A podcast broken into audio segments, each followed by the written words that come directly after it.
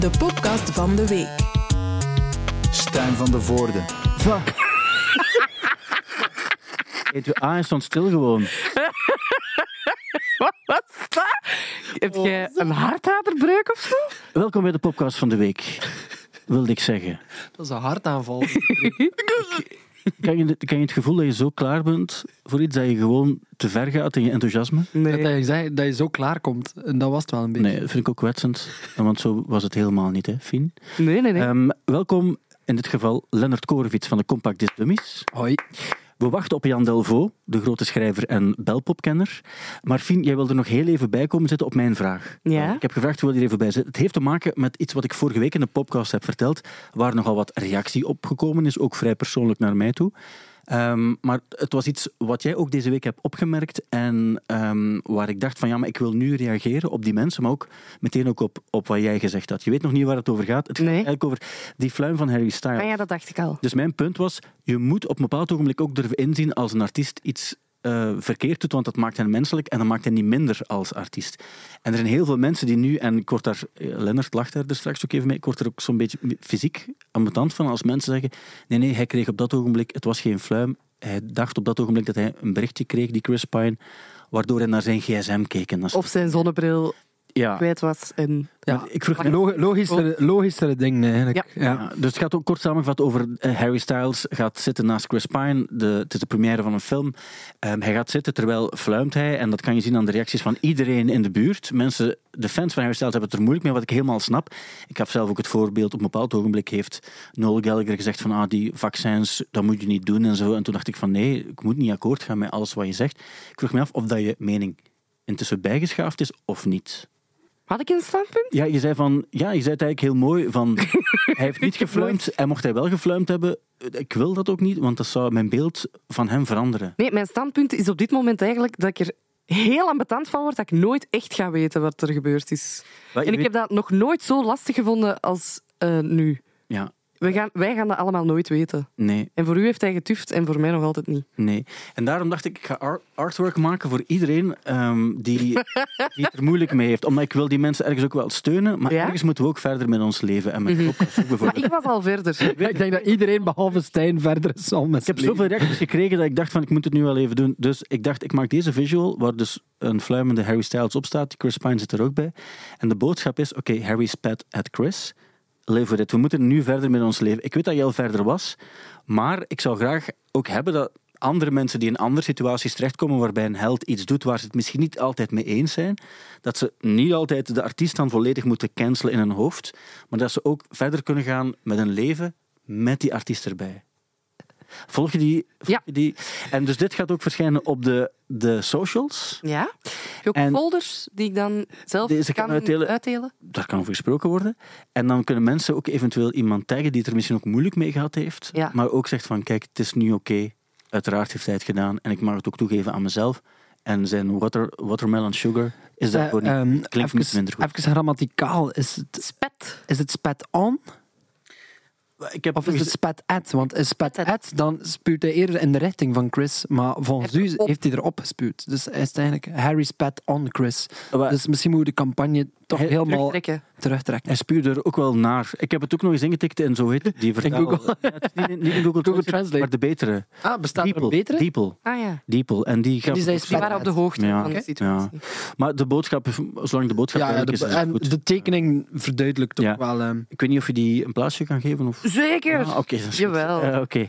En ehm voilà, dus staat ook op de, dat wil ik nog meegeven. Het staat ook op de socials van Studie Brussel, denk ik. En, eh, En volg vooral we- eh Ed Stijn van de Voorde. Ja, maar het is vooral. Ja, de, En blijf hem vooral berichtjes sturen over, wat, Ja, over uw Wel, mening. dat, dat, dat Zolang hoeft, we niet weten wat er gebeurd is, staat de discussie open. ja, maar we weten het nu. Dus bij deze is dat helemaal afgerond. niet, zeker. Ehm Fien dankjewel om even langs te komen. En ik zie ook dat Jan Dalvo intussen erbij gekomen is. Dag Jan. Dag Stijn. Dag Jan, fijn dat je er bent. Eh mag ik je voorstellen ook aan Lennart? Eh, ja, ja, Aangename ja, kennismaking. Fien is intussen buiten gelopen en dat mag ook. Niet omdat ze schrik heeft, maar omdat ze waarschijnlijk andere belangrijke dingen moet doen. Ja, Jan, fijn dat je er bent. Dus Lennart Korvits is, ehm, zoals je weet, als grote belpopkenner, de man die, als er een festival in België is en dat moet afgesloten worden door een grote dansbare act. Dat ben jij het, Lennart. Mag ik, dat- mag ik dat zo samenvatten? Van mij, van mij mogen hij zeggen wat hij wilt en ik, ik eh, aanvaard het. Ja, en dat is mijn enige kritiek op het boek dat je net hebt uitgebracht, waar ik, waar ik voor de rest geen kritiek op heb, eh, wegens zeer interessant uiteraard, maar je hebt een, een boek gemaakt, getiteld De Dikke Delvaux, die verschijnt op 1 oktober. Dat is een belpop bijbel met meer dan 500 muziekverhalen, die jij verzameld hebt Ja. door een bevriende zender Radio 1. Ja, Ehm, maar de compacte summi staan er niet in. nee, en dat is ook heel logisch. Ja, omdat er... Omdat er Omdat, er, omdat het voor Radio 1 is, om te beginnen. ah, Oké. En omdat... Die, de, de, Maar ze draaien ons veel op Radio 1. Zijn Tuurlijk, ja, maar, maar toen ik begon in 2009... Met het boek. Was, Ah, zijn wat het was nee, maar dat, dat, is, dat is natuurlijk... Ik, ik weet het, want, want ik kwam ook tot de vaststelling... de helft van de mensen in dat boek zijn dood ondertussen. dat is natuurlijk een rubriek in een radioprogramma. eh, en, en in de rubriek ga ik de, stap ik de geschiedenis in. En ik merk ook dat ik nog altijd niet veel verder ben geraakt dan de 20e eeuw. Ja, maar ik moet wel zeggen, voor alle duidelijkheid, dat er heel veel artiesten ehm in staan en ook verhalen, want soms moet je de artiest niet eens kennen om een goed verhaal Ja. eh, te appreciëren, uiteraard. Dat er wel heel veel artiesten eh, bij of in staan, zeer veel zelfs, die uiteraard ook op Studio Brussel gedraaid worden. En dat maakt het boek voor alle duidelijkheid wel zeer interessant. Maar het is misschien goed voor de tweede uitgave om straks een, een goed verhaal over Compact Dummies te horen, dat dan ook verwerkt wordt in het volgende boek. Voilà, maar dat is ook, ja, nee, maar, eh, zeer, ik ben altijd, ik ben, ben altijd op de uitkijk. En mensen vragen dan, want mensen vragen ook heel vaak: is het nog niet op? Ja. Maar ik moet nog echt die 20e eeuw. Dat was ook heel raar, mag ik dat even zeggen, want ik ben een oudere man. Eh, Als senior is dat wel fijn dat ik nog eens. Want hier is het eigenlijk allemaal begonnen eh, voor mij in de jaren 90. Was er een programma op Studio Brussel, dat heette Het Verhaal van de Belpop. Daar was ik redacteur van. En, en zo is die fascinatie eigenlijk. eh, eigenlijk begonnen. Nu ben ik even kwijt wat ik ga zeggen, maar dat is zeer eigen aan mijn leeftijd natuurlijk. maar wat ik wel merkte is eigenlijk, ik ben de hele tijd bezig geweest met, met mijn jeugd in dat boek ook. Ik bedoel, dat is die 20e eeuw. Ik heb eigenlijk bijna heel de geschiedenis van de popmuziek ook bijna live kunnen meemaken. Ik ben net iets te jong eigenlijk om, om de Beatles nog in volle kracht gezien te hebben. Dus het is ook logisch dat ik daarmee begonnen ben. Ja. Het raar is natuurlijk dat die mensen waar ik dan het in het boek over heb, dat die ondertussen ouder geworden zijn. En dat dat zo... Ik bedoel, voor, voor Leonard is denk ik Arno Hintjes ongeveer wat voor ons Bing Crosby is. Snap je wat ik wil zeggen? Ja, ja. Dat zijn zeer, zeer oude mensen. En ik heb het gevoel dat ik eigenlijk als een soort van... eh, omdat ik de eerste ben die zo'n boeken maakt en een soort erkentelijkheid. En omdat ik ook voel dat ze aan, aan, aan een hoge snelheid aan het verdwijnen zijn. Arno is weg. Ik bedoel, we gaan de volgende jaren... Wordt het echt een, hè, wordt het echt een één lange begrafenisstoet, denk ik. Hebben ze zo'n lijst van... Ja, dat, die- ik heb geen... Nee, dat is heel... Nee, maar dat komt inderdaad ook omdat ja, zo, ja, jaren 70, 80 hebben zo'n explosie van, van Voilà. artiesten. En, en inderdaad, dat is nu de leeftijd dat dat dan... Maar dat is ook nog nooit beschreven. Ik heb een heel groot. Ik, bedoel, ik heb in mijn kelder heb ik, eh, een deel van het fotoarchief liggen van Humo. Uit de jaren tachtig. Omdat Humo op een bepaald moment besliste, we gaan alles digitaliseren. Dan hebben ze al die foto's in een container gegooid. En heeft de, de, disco, de bibliothecaris van Humo mij gebeld van Jan, Jan, kom af. Want alles gaat hier verdwijnen. En ik, had dus, ja, ik, had, ik was die gaan halen. Eigenlijk was dat illegaal. En ik heb die nog geen twee weken in huis. En ze bellen vanuit, vanuit Humo. Zeg, ehm, heb je toevallig foto's liggen van Lou Reed? Want die is gestorven en we vinden die niet terug. Dus ik, ik ben behept met eigenlijk een soort van zorggevoel ten opzichte van de geschiedenis. Dus ik wil eigenlijk eerst de jaren 60, 70, 80, 90 afwerken. En dan pas kom ik in... Want in het boek denk ik dat 10% is pas 21e eeuw. Ja, Daar ja, er zijn een aantal 20%. bij. Daar wil ik het straks zeker graag over hebben, omdat er heel veel over te vertellen valt. Ik heb ook een aantal dingen specifieker uitgehaald ook, waar ik het eh, over wil hebben. En ehm voor mij dat je ook... Ja, je, je, hebt, eh, je werkt uiteraard voor eh, radio, maar je hebt ook voor Rock Werchter heb je ook een Mhm. mooi archief bijgehouden. ehm, waar ook een aantal dingen voor, voor terugkomen, ook in het, eh, in het boek over Ja. Belgische festivalgeschiedenis. Daar gaan we het zeker ook nog over hebben. Maar ehm, ja, je weet, een podcast moet af en toe is de actualiteit van de, van de, van de week, de muzikale actualiteit erbij halen. Wil ik misschien toch snel graag ook nog even doen, want ja, de Queen is gestorven. Mhm. Je hebt die hele periode bijna meegemaakt ook. Ik heb Queen. ze inderdaad in mijn leven gekend. Je hebt, je hebt nooit een andere Britse king of queen meegemaakt. Nee, nee. ja, dat is En ehm, wat ik wel wilde vragen is, dus ze is gestorven op een bepaald ogenblik en dan wordt er ook besloten van kijk, we gaan ook geen concerten doen. Bijvoorbeeld. Ehm, ik begreep dat eigenlijk niet zo goed. Eh, we gaan geen concerten doen, we gaan eh, geen voetbal laten doorgaan. Ehm, ik dacht eigenlijk dat, dat, dat muziek daar ergens van Los van op een of andere manier. Hebben jullie, hadden jullie dat gevoel? Of hebben jullie het gevoel, want het is best normaal dat er een hele natie eh, platgelegd wordt. eh, wegens, los van het feit dat dat een, eh, vast een sympathieke vrouw zou geweest zijn. Maar is dat niet, was dat niet heel vergaand? Heb jij Boudewijn nog meegemaakt, de dood van Boudewijn? Ik, oud was Ik, ik stapte van de bus van de 14-jarige of 15-jarige van Ja. CM-kamp. Ja, ja, En ik ja. kreeg te horen van eh Boudewijn is gestorven. Ja. Ja. En jij stond dan ook te kijken van die lange rij die toen stonden aan te schuiven aan het Koninklijk Paleis. Absoluut. Maar ik weet wel nog dat ik de dag van de begrafenis moest gaan werken in de Uniek. Ja. Mijn eerste vakantiewerk. En alles ging gewoon door. Dus niet zo Ja. dat, het lam, dat het land lamgelegd werd. Dat men zou gezegd hebben, we gaan geen concerten laten. De nationale rouw in België is wel een pak gematigder, denk Ja. ik, dan wat er nu in Engeland speelt. Het is wel raar natuurlijk, want het, is de wieg van de popmuziek in Engeland, toch? Hè? Toch aan, aan onze zijde van dat dat dan helemaal stil ligt. Aan de andere kant, ja, ik kan me, dat- wij staan er heel raar naar te kijken nu. Hè, van, oh, die mensen, waarom rouwen die? Maar dat is, ja, de, de- bij Boudewijn schrok ik daar ook zo heel enorm hard van. Ik zag nu wel cijfers passeren omdat je dat zegt. Dus blijkbaar, hé, haar dood zou de UK tot 6,9 miljard kosten. Inclusief haar begrafenis, eh, de coronatie van Charles. En eh, om dingen eh, dus ook niet door te laten gaan en zo. Zodat zoveel kosten aan de UK. En eh, blijkbaar eh, zou het ook... King Charles heeft ook 500 miljoen eh, gekregen dus van, de, van de storven koningin. Dus geërfd. En hij moet daar geen taxen op betalen. Hij moet er geen belasting voor betalen. Waar ik nu wel plotseling aan denk, is aan al die grote begrafenissen hangt een popsong. Ja.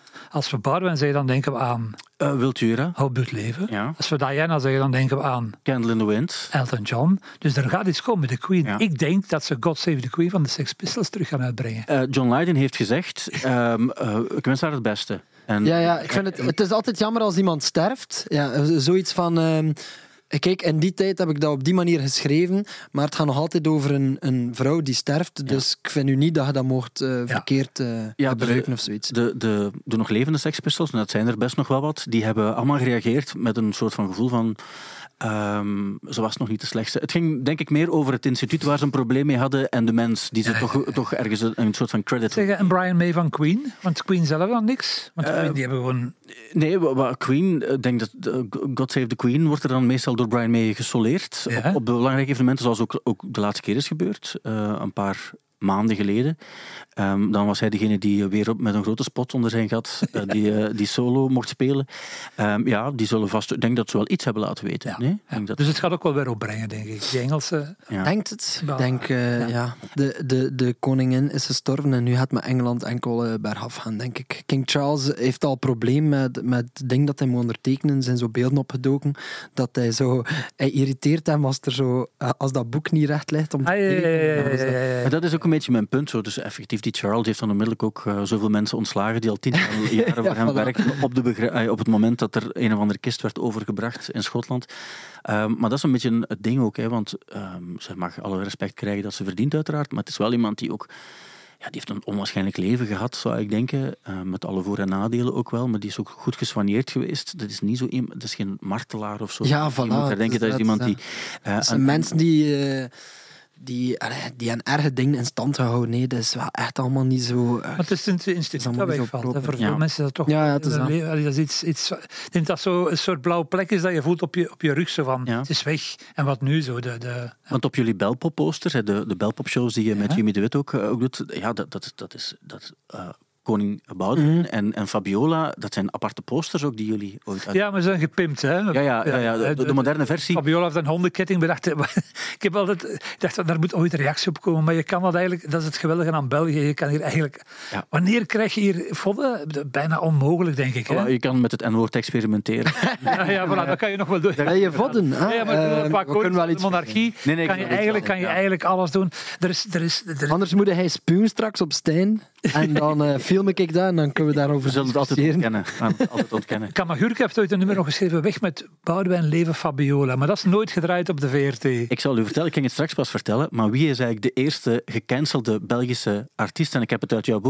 Wow, dan moet je, oh, maar dat is moeilijk. eh, 500 pagina's. We spreken over 1977. Gecanceld toen, 77. Urbanus of zo? Ja, eh, eh, Raymond bedoel je? Voilà, ja. Ja, Raymond is één lange stoet van, van... Ja, dat is eigenlijk wel straf. Ik bedoel, dat is een van onze liefste, braafste... Maar dat is, dat is eigenlijk de, de, de goorste bek. Maar dat heeft ermee te maken dat hij in Nederland zit natuurlijk. Maar die is op alles aangevallen. Bijna ik denk een tiental nummers die altijd wel... Maar waarom was hij gecanceld? Wel, maar wat ik, wat ik, eh, ik ga het onmiddellijk laten uitleggen door jou, Jan, want je, hebt het verhaal, je kent het verhaal, ik, heb het, ik ken het ook, maar dankzij jou. Ehm, het, het, het unieke aan Raymond van het Groenewald is dat mijn generatie zelf, en dan bedoel ik mensen van de, de veertigers, ik denk ook jou, jij woont dan nog in Gent, dus je maakt de laatste dag, of een van de laatste dagen van de Gentse feesten mee als je daar Ja, ja, ja. ja. maar voor ons heeft Raymond een soort van ja, wat gezapig belegen imago.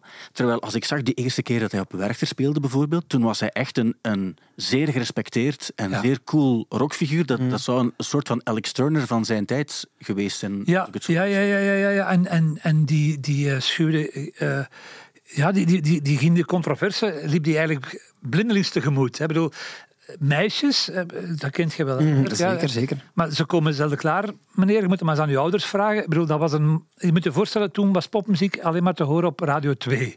Dus dat wil ook zeggen dat dat ook in elke huiskamer te horen was. Dus als we aan het eten waren, pa, ma en de kinderen, dan stond die radio op en dan kwamen in één keer meisjes en dan kwam die zin, ze komen zelden klaar, meneer. Wat in 1977 echt schuttingtaal was. Ik bedoel, dat was not done. Dat was de eerste keer in, in het Nederlands dat je dat eigenlijk hoorde.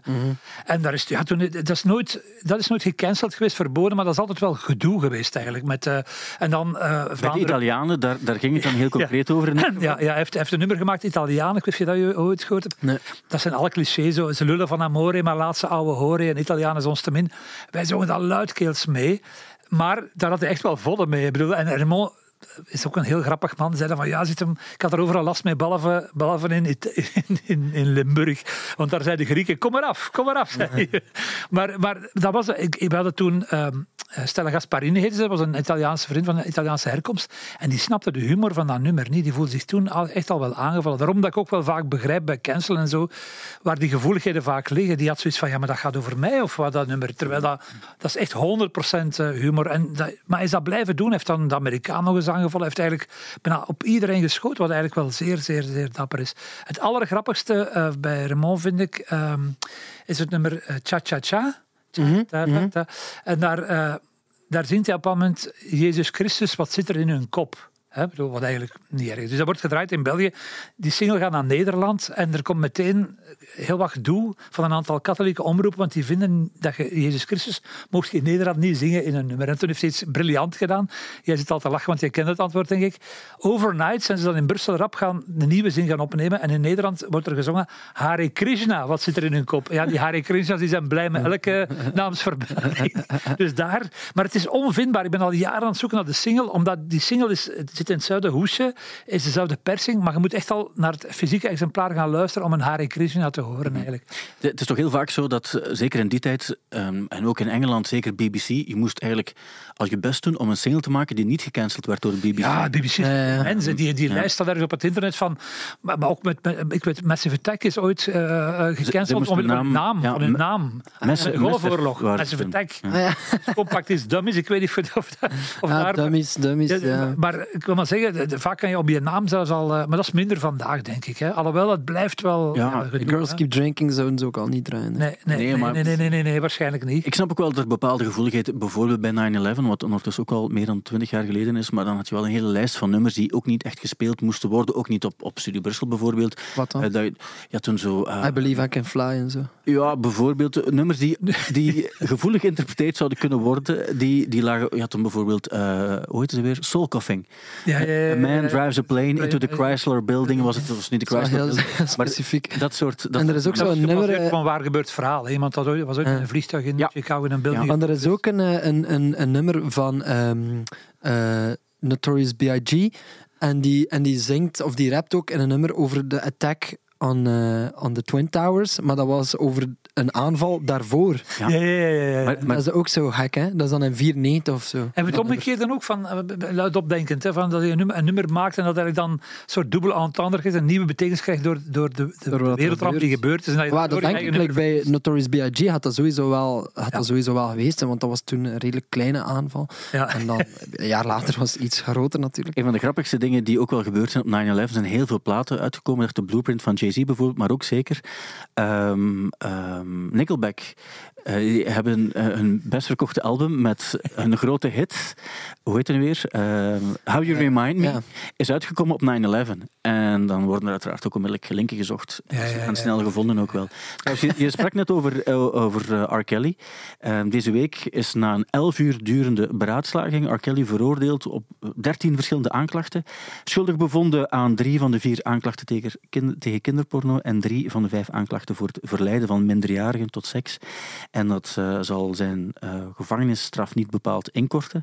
De vraag is, als jullie dan I Believe I Can Fly horen op de soundtrack van Space Jam, luisteren jullie dan toch anders naar die muziek? Ik denk dat dat goed nieuws is voor twee mensen in, in Aarschot bij ons. Hè. Die, die- dat heel de R. Kelly-verhaal, weet je nog? Met Nee, nee, Michael. Jackson. Ja? Dat is met die Michael Jackson. Ja, het moet even nu eh, luid. allee, zo, moest Jimmy hier naast mij zitten, zou hij meteen zeggen: ja, ja. Dat zijn toch die twee broers van Passel. Dat is die hele zaak geweest met of, of Michael Jackson een nummer van hen heeft, heeft gepikt. Ah, maar dan ging het over... Ah, nee, nee, over Michael Jackson dan. Ja, ja, ja, en dat was R. Kelly, eh, zou dat dan geschreven hebben. En dan was dat een heel. eh, eh, die hebben gelijk gekregen in België. Oh, dat is weer zo'n juridische term. Omdat je daar. het kwam er eigenlijk op neer dat R. Kelly moest bewijzen dat hij het nummer niet zou gehoord hebben van de Van Passels. Ja. Volgens de Belgische wetgeving. Daardoor hebben ze gelijk gekregen met R. Kelly. Maar hoe, kun je dan nu bewijzen dat je iets niet gehoord hebt? Dat was eigenlijk onmogelijk. Maar nu komt al die vetzakkerij van die vent erbij. Dus waarschijnlijk zal, hè, zal dat wel, wel die, die zaak wat bespoedigen. Maar dat, is het Dirt? Nee, het is niet Dirty Diana. Het is een nummer Maar ik weet, het is een heel cheesy nummer dat hij gemaakt ja. heeft. En die, die twee broers beweren dat, dat Michael Jackson dat eh, van hen heeft gepikt. En R. Kelly is de, staat genoteerd als auteur. En hij zou dat dan moeten gehoord hebben. En in België mag het niet gedraaid worden. Dus zou wij het nu draaien, dan zouden we gecanceld worden. Dat is toch hetzelfde verhaal als wat met Madonna is gebeurd? Ja, met, ook eh, Belgisch weer, hè? Ja, ja, eh, Aqua Viva heet. Aquaviva, juist. Ja. Ik heb heel lang Aquino gedacht, maar dat is een andere respectabele familie uiteraard. Maar toen was het net hetzelfde verhaal van... en ik weet nog, toen ze op Werchter speelde, Madonna, heeft dus een dag, één dag of één show op. Werchter gespeeld. En toen was de vraag, gaat ze het spelen? Frozen heet, heet het nummer. Ze mag het niet ja, spelen. En, en ze mocht niet, maar ze heeft het wel gespeeld. Ja. En Wat, wat is het heel- verhaal achter, achter Frozen? Wel, het, het, het verhaal is dat ah, ehm, Madonna is, eh, zou ooit in Moeskroen geweest zijn en zou ooit een nummer hebben gehoord van eh, die, de bewuste meneer Aquaviva. Die, Dat is zijn naam. Ja, dat zijn echt. een ja, ja, maar die, was, die maakte deel uit van de, de Chocolate Boys. Eh, en die, nee, nee, pas op, die hebben heel grote hits gehad. Oh, mijn, mijn geheugen. Weet je, het, het raar is als ouder man zo'n boek maken, dat, is- dat is dus één rij geworden. Het is ook veel, hè. Het is ook veel. uit. Brasilia Carnaval, dat is een, een van onze grootste Belgische hits. Wordt eh eh, gebracht Boys. live door, door leden van de Chocolate Boys samen nog met. Ja, dat is een heel. Dat is een Mhm. verhaal op zich, Lennart. Dat is, dat is echt Belgisch verhaal van. eh, ze hebben een hit en ze moeten iets gaan doen op televisie. Dus gaan ze de eerste beste café binnen. Ze hadden daar vier muzikanten van een toog weg. Ze zitten daar wat Afrikaanse danseressen bij. En die moesten dan iets gaan doen op een tv-show. En zo is die bewuste Aquaviva ooit op de Franse tv beland en had hij een grote hit. Maar eh, Madonna is ooit, eh, zou ooit in België zijn geweest. Eh, Als danseres, hè. ja, dat was, dat was eh, eh, Born- voor Born to be Alive van Patrick Hernandez. Ja. eigenlijk. Dus Patrick Hernandez had een, had, een, had een grote hit met Born to be Alive. En voor die act zochten ze danseressen en ze zijn een casting gaan doen. Dus twee Belgen zijn een casting gaan doen in New York. En een van die danseressen was, eh, was. Madonna. Die is dan meegekomen naar Europa, naar Parijs. Daar bleek al vrij snel die gasten door, ja, die kan wel goed dansen, maar die kan ook geweldig eh, goed zingen. Dus die is eigenlijk na een paar eh, weken is die terug, terug naar Amerika gevlogen. Er zijn ook foto's van dat ze in Parijs was en zo. Fantastische dingen eigenlijk. Maar de- in Moeskroen is er zo de, de, de living myth, eh, de levende legende eigenlijk, dat Madonna daar zou geweest zijn. En dat Madonna ook een affaire zou gehad hebben met bijna iedereen in, in, dat ene café waar ze muzikanten... Je kent dat soort verhalen wel, die ja, ja. overal rond waren Ja, ik eigenlijk. zit ook in de scene aan, dus... eh, Voilà, ik ken voilà, het ja, je kent dat wel. Hè, Je moet het leren. dus pas Ja, op. ja. Ja. Maar er zijn en, zo- en, ja. dus die, San, en die, die bewuste Aquaviva schreef ook nummers. En die zei, ja, ja maar ze is in geweest, want wij zijn nog met haar op café geweest en ze moet dat doen. Moet ze dat nummer... En kun je dat nummer horen van hebben. Aquavina? Ja, en dan jaren later, dus dan spreken we twintig jaar later, zou zij dat dan eh, gecoverd hebben. Maar ze, heeft dat, ze staat zelf niet vermeld als auteur van het nummer. Dus dat is ook al, Ah. al vrij bizar. Dus het is eigenlijk een zeer, zeer waardig verhaal. Maar Dus ze heeft het wel eh, gestolen dan. hè. ja, nee, nee. Ik bedoel, het, het, het kan, zij, zij heeft er eigenlijk niks mee te maken. Ah. Ik bedoel, het, de, de zaak wordt... Ah, zij heeft dat nummer ook niet bedoeld. Iemand anders geschreven, heeft dat geschreven. Ja, voilà. Dus, Ja, ja, ja, ja. Maar toch beweert die man van, ja, maar ze heeft... Dat kan, hij zegt dan, ja, maar ja, dan heeft ze het gehoord en doorverteld aan de bewuste. Ja, zo blijft het natuurlijk bezig. Maar zeer sappige verhalen. Hè. Bedoel, Ja. Het eh, Ja, het zijn goede verhalen. Ik was het even aan het zoeken ook of ik het, eh, of ik het vond via een, eh, een of ander Bluetooth-systeem. Zodat ik moest toch muziek kan afspelen, maar het doet het niet helemaal. Zo, het doet er niet toe, maar het zijn wel goede verhalen. En zeker ook die café-verhalen van er komt eens een wereldster het café binnen. Dat is wat er Maar dat is iets wat wij geweldig vinden. Want Ja. dat is- daar ben ik nu ook aan bezig. In dit moment, ik ben terug met Belbo Bonanza. Zijn we ook nog aan het spelen, Jimmy de Wit en mijzelf. En we hebben al een paar tournees gehad. Jij komt altijd graag kijken. Zeker, van de, zeker. en er is altijd wel heel fijn. De, de, meest merkwaardige verhalen die je ook al naar de radio hebt gebracht, is zo de link tussen Wiltura en Daft Punk. Mm, zin- Kendrick Lamar en Ramon van het Groenewoud. Zo, die, die dingen zijn eigenlijk fantastisch. Ik ben nu vooral bezig met zo omdat ik merk dat dat veel mensen fascineert. Onze, wat hebben wij betekend, het omgekeerde, wat hebben wij betekend voor Prince, wat hebben wij betekend voor Bowie, welke linken hebben wij met de grote der aarde en wat hebben wij betekend voor Nederland of voor de Duitse muziek.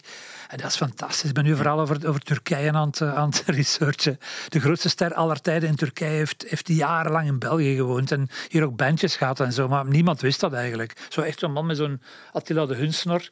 En dat fascineert ons Maar altijd. het is eigenlijk wel grappig hoe, hoe snel dat... Omdat muziek... dat lijkt zo wonderbaarlijk, maar eigenlijk is muziek een vrij kleine wereld. En eh, like bijvoorbeeld, we speelden op Kramrock. En ehm, na onze show was heel de backstage leeg, want wij waren de laatste die daar nog waren. En jullie vragen om hem te ontruimen. Ja, zodat we kunnen passeren. Hè. En er was daar nog één, er was daar nog één band aanwezig en dat was eh, Elbow.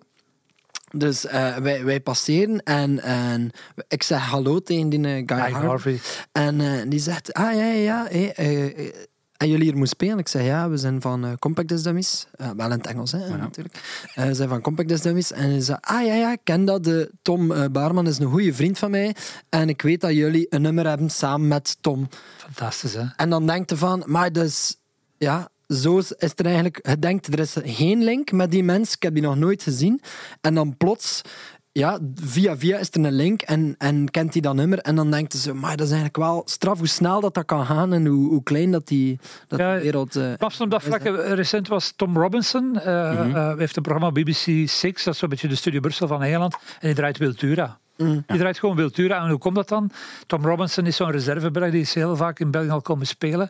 Ook op Werchter en zo heeft u voor. Ja, ja, ja vroeger. Ja, 80 maar nu nog altijd heeft hij Ja. zo'n fanbase. Die speelt elk jaar of zoiets. Doet hij zo'n een, eh, castaway party, noemt dat dan.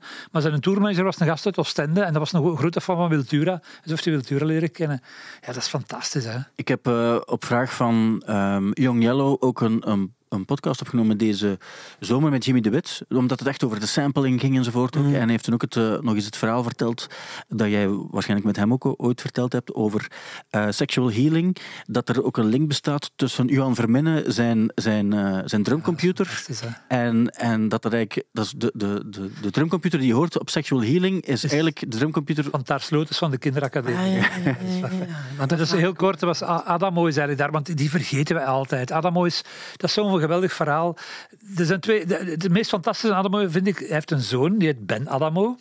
Die zit ook in de muziek. Die speelt, die speelt bij een vrij bekende eh, eh, Engelse band waarvan ik de naam nooit kan uitspreken, want het zijn twee Japanse woorden, Fugai en Yamaki of zoiets.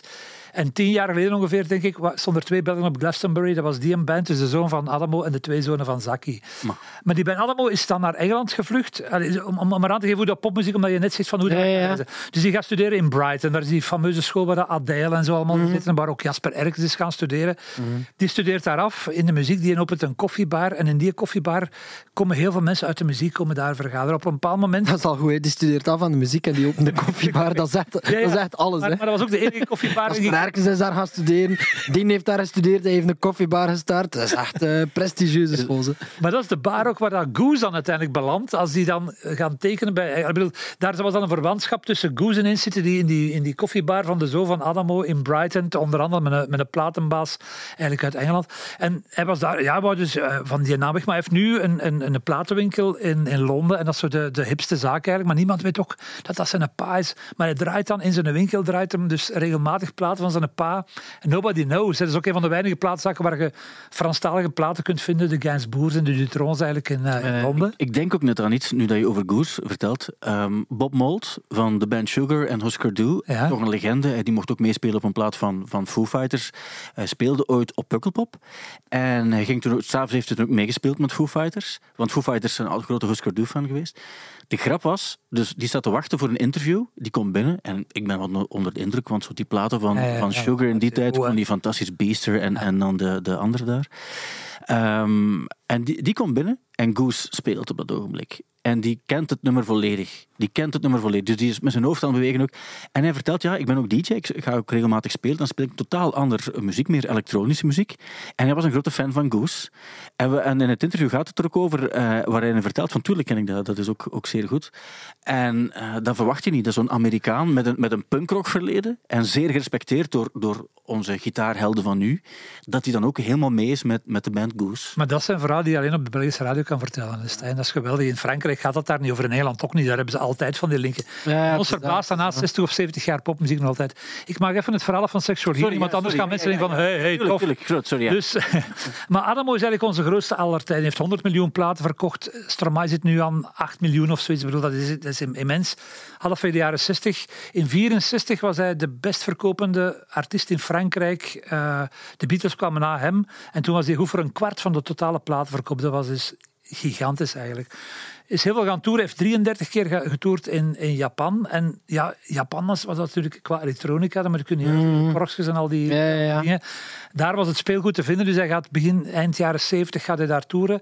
En Tars Lotus is mee, bekend van de kinderacademie, maar ook pianist van, eh, van Johan Verminnen. Mhm. En die ziet daar de, zeg je mis, de, de, oh, daar gaat mijn geheugen weer. Sorry, de gitarist. fameuze hip-hop eh, dingen, heet het, de drummachine. De MPC, De, de 303. drummachine. De, de, de, de- ja, de, de, 303, de, de, de Roland TR. eh, de, 303? de 303, ja, ja. Ja, ja. Die was ah nee, pas- de 808 voor de... 808, Ja, ja, zo de... Die was toen pas ja. uit in Japan, dus in Tars Lotus brengt hij mee naar België.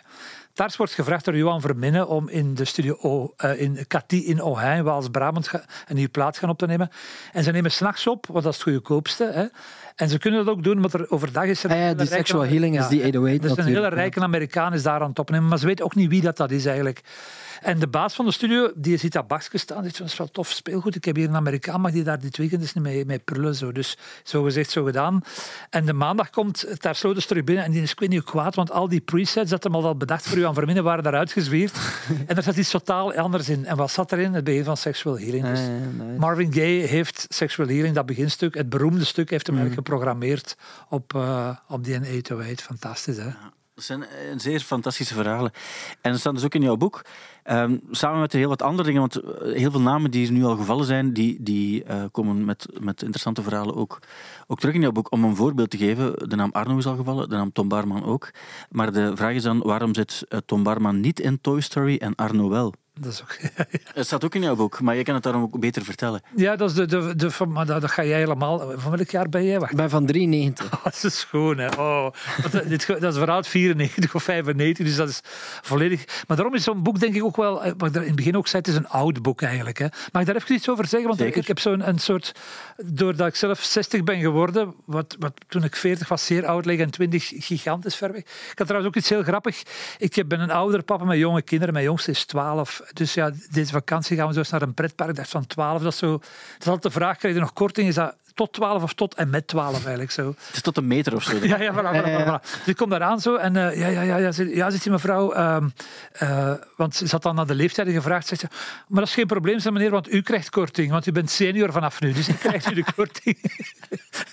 en mijn Ik kind, wil nu aanraden om toch niet op de ritjes te gaan. Eh allee, ik weet niet of dat je hartconditie zet, maar... eh, maar iets heel raar is, wij voelen ons toch allemaal forever young. Ik bedoel, zeker jullie generatie zeker. Hè? Ik bedoel, je voelt, totdat je de foto's ziet van je jeugd, blijft je eigenlijk eh, forever young. Ik vind het heel fascinerend, omdat heel dat boek, de, de Daan Stuyvens en zo, en de Tom Barmans, zijn allemaal 50 plus ondertussen. Dat, dat zijn ook vaders, en toch zien we dat daar niet in. Daan Stuyven, ik, ik kwam deze zomer tegen, het ging over zijn kinderen. En ik dacht, ja, dat zijn zo nog van die boelekes. Maar die zijn oudste zoon geeft les. Die, die, die geeft les in het middelbaar onderwijs. Wat je toch helemaal niet associeert met, met Daan eigenlijk. Ik bedoel, dat is ook zo raar, vond ik bij Arno. eh, om maar aan te geven, ondanks het feit dat wij in zo'n klein land zijn, hoeveel privacy dat je hebt, hoeveel kinderen heeft Arno, weten wij dat? Ja? Hij Nee. heeft zijn oudste zoon, Felix, is zijn, zijn oudste. Maar je moet eens gaan zoeken, je vindt daar ook niks van. Hij zit nu mee op de nieuwe plaat, hè, eh, op eh, OPEX zit hij mee. Hij heeft nog een zoon, dat weet ik, maar, en misschien nog iemand. Maar dat is toch schoon, hè, dat je dan toch ondanks... Dat is wel niet het verschil. Ja, dat is wel nog een generatie die ook dat dat, dat kon wegsteken. En wa- wat kwam er dan dan hadden interviews misschien met de humo. En maar uiteindelijk, als hij, dan, als hij daar zegt van ik heb vijf kinderen en dat is niet waar, versta je? Nu hebben wel alles van zo zeker als ze zelf dingen deelt op sociale media en zo, dat wordt allemaal beter bijgehouden. Ik denk dat dat wel zo... Ja, maar- die, die mystiek bij zo'n Arno en een Daan, dat, dat, dat zit er toch nog iets meer in. Maar, maar, maar die blijven ook een soort. Allee, voor u zijn die waarschijnlijk al oud, maar die blijven nu. Voor u is dat anders, denk ik. Nee, ik snap het ook wel, want het, is, het valt soms op als je ze dan ook fysiek ziet.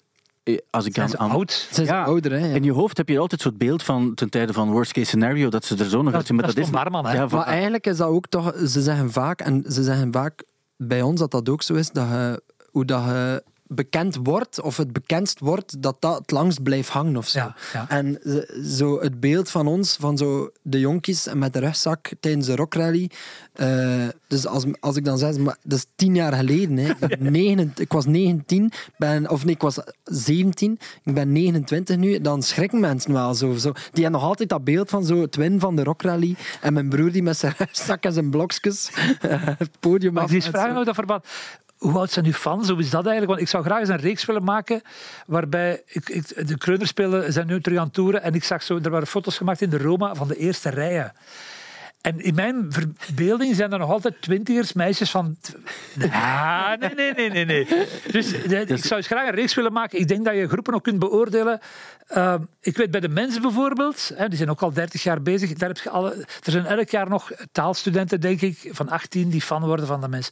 Maar andere, andere artiesten worden echt oud met, met, Ja. samen met ja, ja, eigenlijk. ja, ja, ja. Voelt je dat al of niet? Of, of is dat... Nee, Eh, Zij nog niet, hè? Zij nog niet. En wat ik ik, voel, ik voel echt dat we... 16-jarigen nog? Kom Ik die voel op? wel dat we de eerste, de eerste vier, vijf rijen zijn echt wel de eh 16-jarigen. En eh allee, dat, is eigenlijk wel, dat valt wel op. En die kennen ook alle teksten van, van buiten. Maar we merken wel dat het heel leuk is dat we eh, ouder publiek, jonger publiek, eh, dat, dat is dat goed, hè? heel divers is. En dat, is, dat vind ik dat is heel leuk. ja, het is ook wel zo, denk ik, dat, dat bijvoorbeeld de Kreuners... Ja, de enige reden waarom een 16-jarige de Kreuners kent, is omdat Joost eh Walter Grootaard erbij gehaald heeft op Werchter. En zo kennen ze Ik Wil Je ook wel. En ik snap dat ook wel, want dat is voor de rest ook... Dat is, dat is ook muziek die, die kleeft ook aan een bepaald tijdvak. Ja, en, ja. en dat is ook moeilijk om dan nog... Maar als je Ik, dan op ik die vraag mij dat af. werkt- Ja, het is waar, maar ik vraag mij dat af. Like de Kreuners, wij nu, dat is de band waarmee dat wij volgens mij deze zomer tien keer, vijftien keer hebben samen gespeeld. Ik vraag mij dan af, was dat, was dat vroeger... ehm, moet ik mij dat voorstellen als ook, omdat je dat zegt van Raymond, als een heel warse Ja. punk heel eh, scherp. band, scherpe band. Dat was heel scherp, Oké. ja. Omdat, ja... ik kan me dat niet voorstellen. Ik kan me dat gewoon niet Ja, dat is ook voorstellen. moeilijk, want eh, om, om daar, voor- ik, bedoel, ik ben op zoek geweest naar de, de, de Kreuners. Wat wat er groot, daar is een bepaald een aantal vlakken zeer geniaal geweest. Een van hun gimmicks, en ik ben die foto, ik heb hem nu eindelijk gevonden. In het begin dacht je, ja, we moeten optredens los eh, vast eh, krijgen, dus we moeten, we moeten een gimmick verzinnen. Wat had hij die gevonden? Je had vroeger van die, ze bestaan nog wel, zo van die cut-outs die je vaak in, in autogarages ziet met zo'n een knappe blonde die dan de auto staat aan te prijzen. Maar dan in karton gemaakt. Ze doen dat ook vaak voor films al. Dus hij was er zo eentje gaan pikken van Citroën of zo, van Kodak. En ze hadden een groepsfoto laten maken met die madame in het midden, met zo'n heel knappe blonde. En dat was zo mooi geblend. Photoshop bestond nog niet, hè, maar het is gewoon fotografisch zo gemaakt dat die, dat die daar dus tussen stond. Wat ook maakte, en ik, ik, moet, ik ben daar getuige van geweest, ik heb zo een van de eerste caféconcerten gezien. Dus ja, iedereen zat te wachten, waar is die blonde? Dus die band komt op, die blonde staat daar dus niet bij. Zo. En wat deed hij dan? Ja, bij de bistemers zei hij, "Wa- ja, ik was dan natuurlijk allemaal aan het wachten op die blonde, ik zal dus gaan halen. En dan ging hem die kartonnen madame ging hem dan uit de coulissen eigenlijk- halen. Maar hij zegt zelf, daardoor hebben een heel pak eh, optredens eh, gekregen. Maar als je die eerste plaat, je moet de eerste plaat van de Kreuners, eh, s'nachts kouder dan buiten, als je die, dat, is, dat, is, dat is Joy Division. Ik bedoel, qua klanken, alles, daar, zit- daar staan nummers op die, die echt, eh, ja, dat, was- dat, dat woog wel toen. Nu, Ja, ja. dat, kunt die mensen ook niet kwaad. Walter is al bijna 70. Nee, nee, tuurlijk, maar kwalijk ik- maar ik- ja, Maar ik dat heb moeite- ook al die moeite om naam daar- Kreuners ja, ja. op Radio 2, elke dag. Kreuners spelen. Oh, dat was toen wel licht aangebrand. Voor mij is dat, heel, is dat heel... En ook als ik die nummers eh, hoor, zo die eerste plaat, want, ik- want ik, ik, allee, ik snap het wel, en ik hoor dat ook vaak van, hé, dat, dat zo dat punk. Ehm, maar ja, ook misschien is dat op de manier waarop dat er gezongen wordt, of, of hoe dat er Nederlands gebruikt wordt.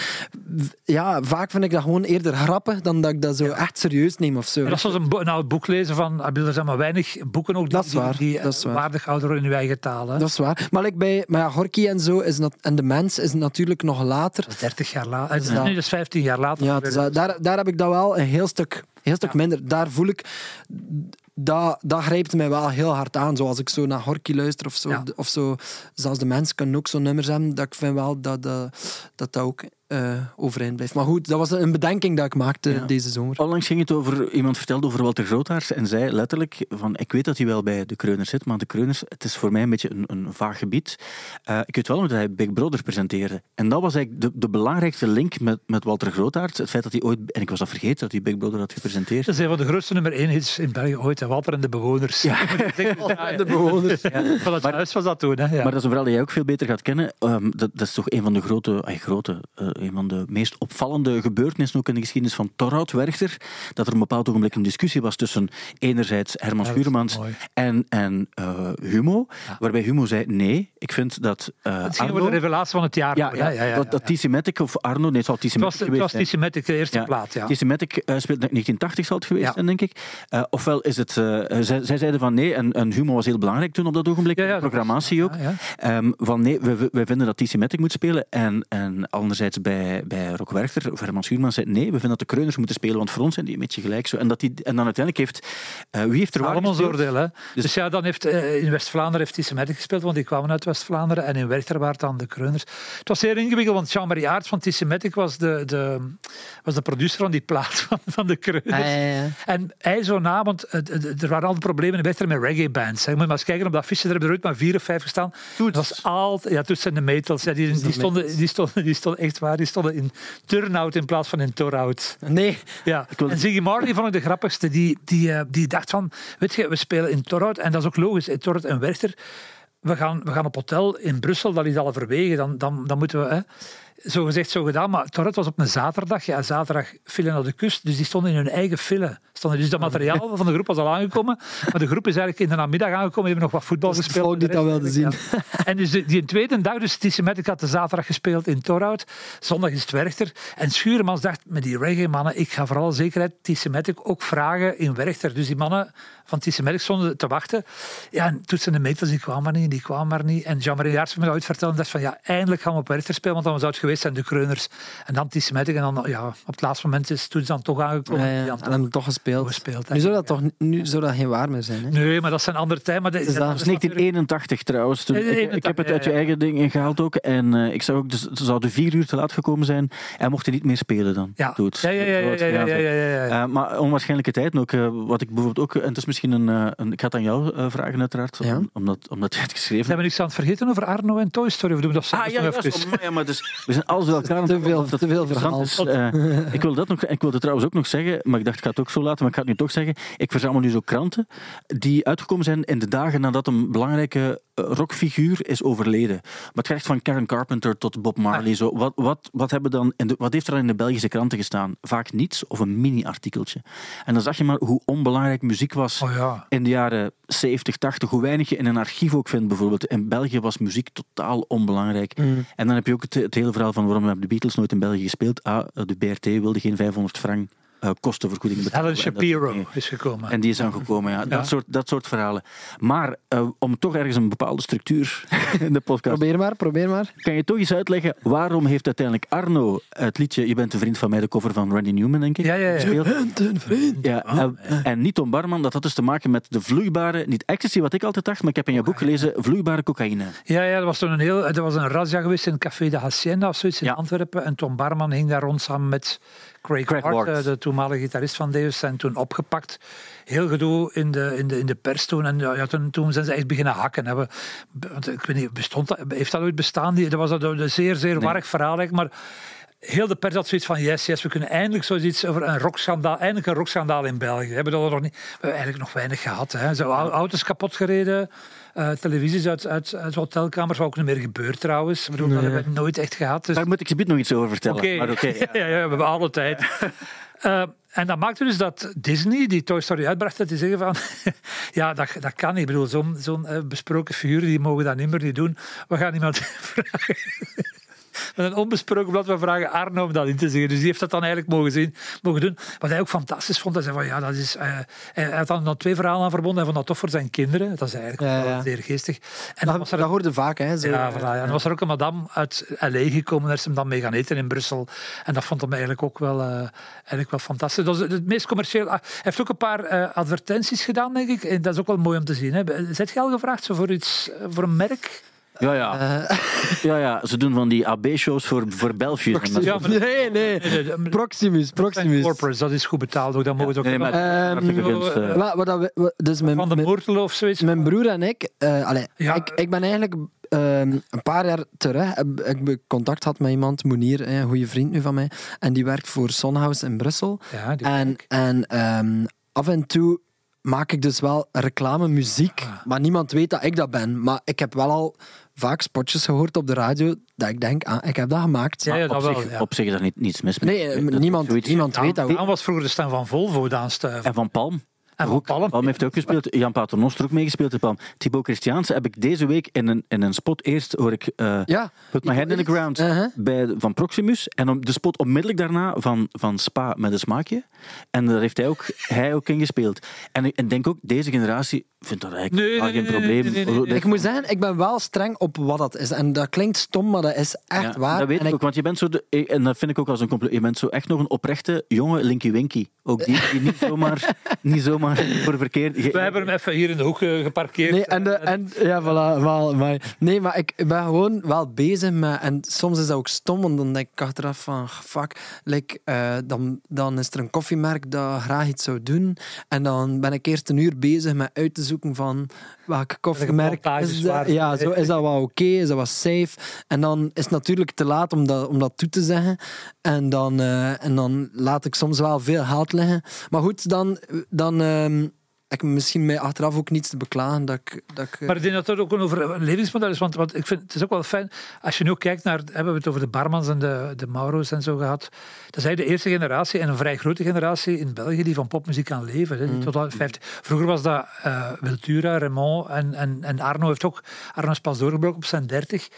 Dat, dat, dat, dat kon eigenlijk niet. Terwijl jullie generatie, voor jullie is dat een evidentie. Ja, denkt ook niet, jij denkt ook niet dat het binnen vijf jaar gaat stoppen. Je hebt altijd wel Ja, ja, het is een dat. heel, heel pak zijwegen. Wat ik wel gemerkt heb door het boek ook te maken, is we hebben eigenlijk, ehm, je kunt geen groepen grootbrengen in België. We hebben eigenlijk heel weinig groepen die langer dan tien jaar meegaan. De enige groep dat ik op dit moment weet die echt als groep, hè, ik bedoel met, eh, eh, de, you- ik bedoel, kijk, U2 is, is nog altijd, dat is ook zo'n quizvraag. Hè. Noem drie bands die al van in het begin, eh, die nu nog bestaan, die van in het begin.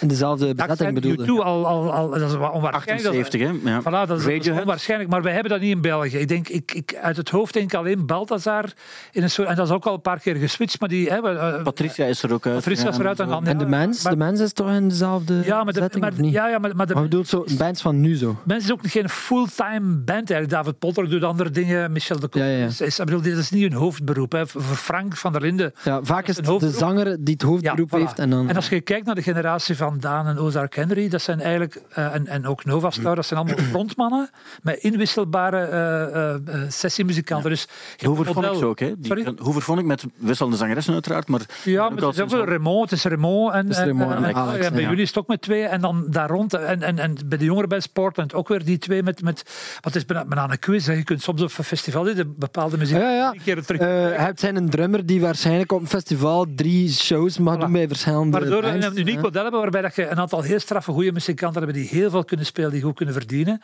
En je hebt een aantal frontmannen of frontfiguren. Ja, ja, ja. Duo kan ook nog, hè. dus de, jij, de Mm. En zo. Maar dan, daarachter is het altijd, altijd wisselend. We hebben niet zoals, zoals de U2's, dat hebben we eigenlijk niet. Dat is, Maar ja, wij hebben nu ook een drummer en dat is ook wel vast. En dat is ook wel... Je kijkt toch Ja, ook, ja, maar... maar je kijkt toch ook wel van... Ja, eh, wat doet hij van andere bands? Omdat dat ook wel... Er is ook wel een sound dat een beetje tot u wil trekken, dat ik wel vind. En eh, Maar er wat zijn zoveel... Mario Goossens op bij de bazaar? Bijvoorbeeld, je komt op Werchter en je ziet Mario, die toch wel een, een, een, een dragende figuur is van dat festival, die al tot op plaats vier of vijf op die affiche, die zit dan ineens terug bij die jonge gasten die... Ik vind dat eigenlijk wel cool en ik denk dat dat ook... Ik heb er ook met, met Mario en we hebben er ook een tijdje mee gesproken op Kramrock, want ze speelden daar met Triggerfinger en hij was daar de dag ervoor met Bazaar. En, en ik denk dat dat, dat voor Mario... Allee, M, M. Jonghout is stom gezegd, maar ik denk wel, je zit wel in een soort werking van hoe gaan die jonge gasten daarmee om. En ik denk dat dat echt voor hemzelf ook iets was van... Oké, Hij is ook meer dan een drummer. Hè. Ik bedoel, Voilà, andere dat. dingen ernaast en zo, dat snap ik dat. ook wel. Wat, wat mij, Het is wel uniek in, in- in- op buitenlandse festivals. Dat- Kun je dat voorstellen, zo bij Kasabian ergens op, in Engeland, die dan, dat de gitarist dan drie hè, in de tent, dat is, dat is zo typisch Belgisch, denk ik. Hè.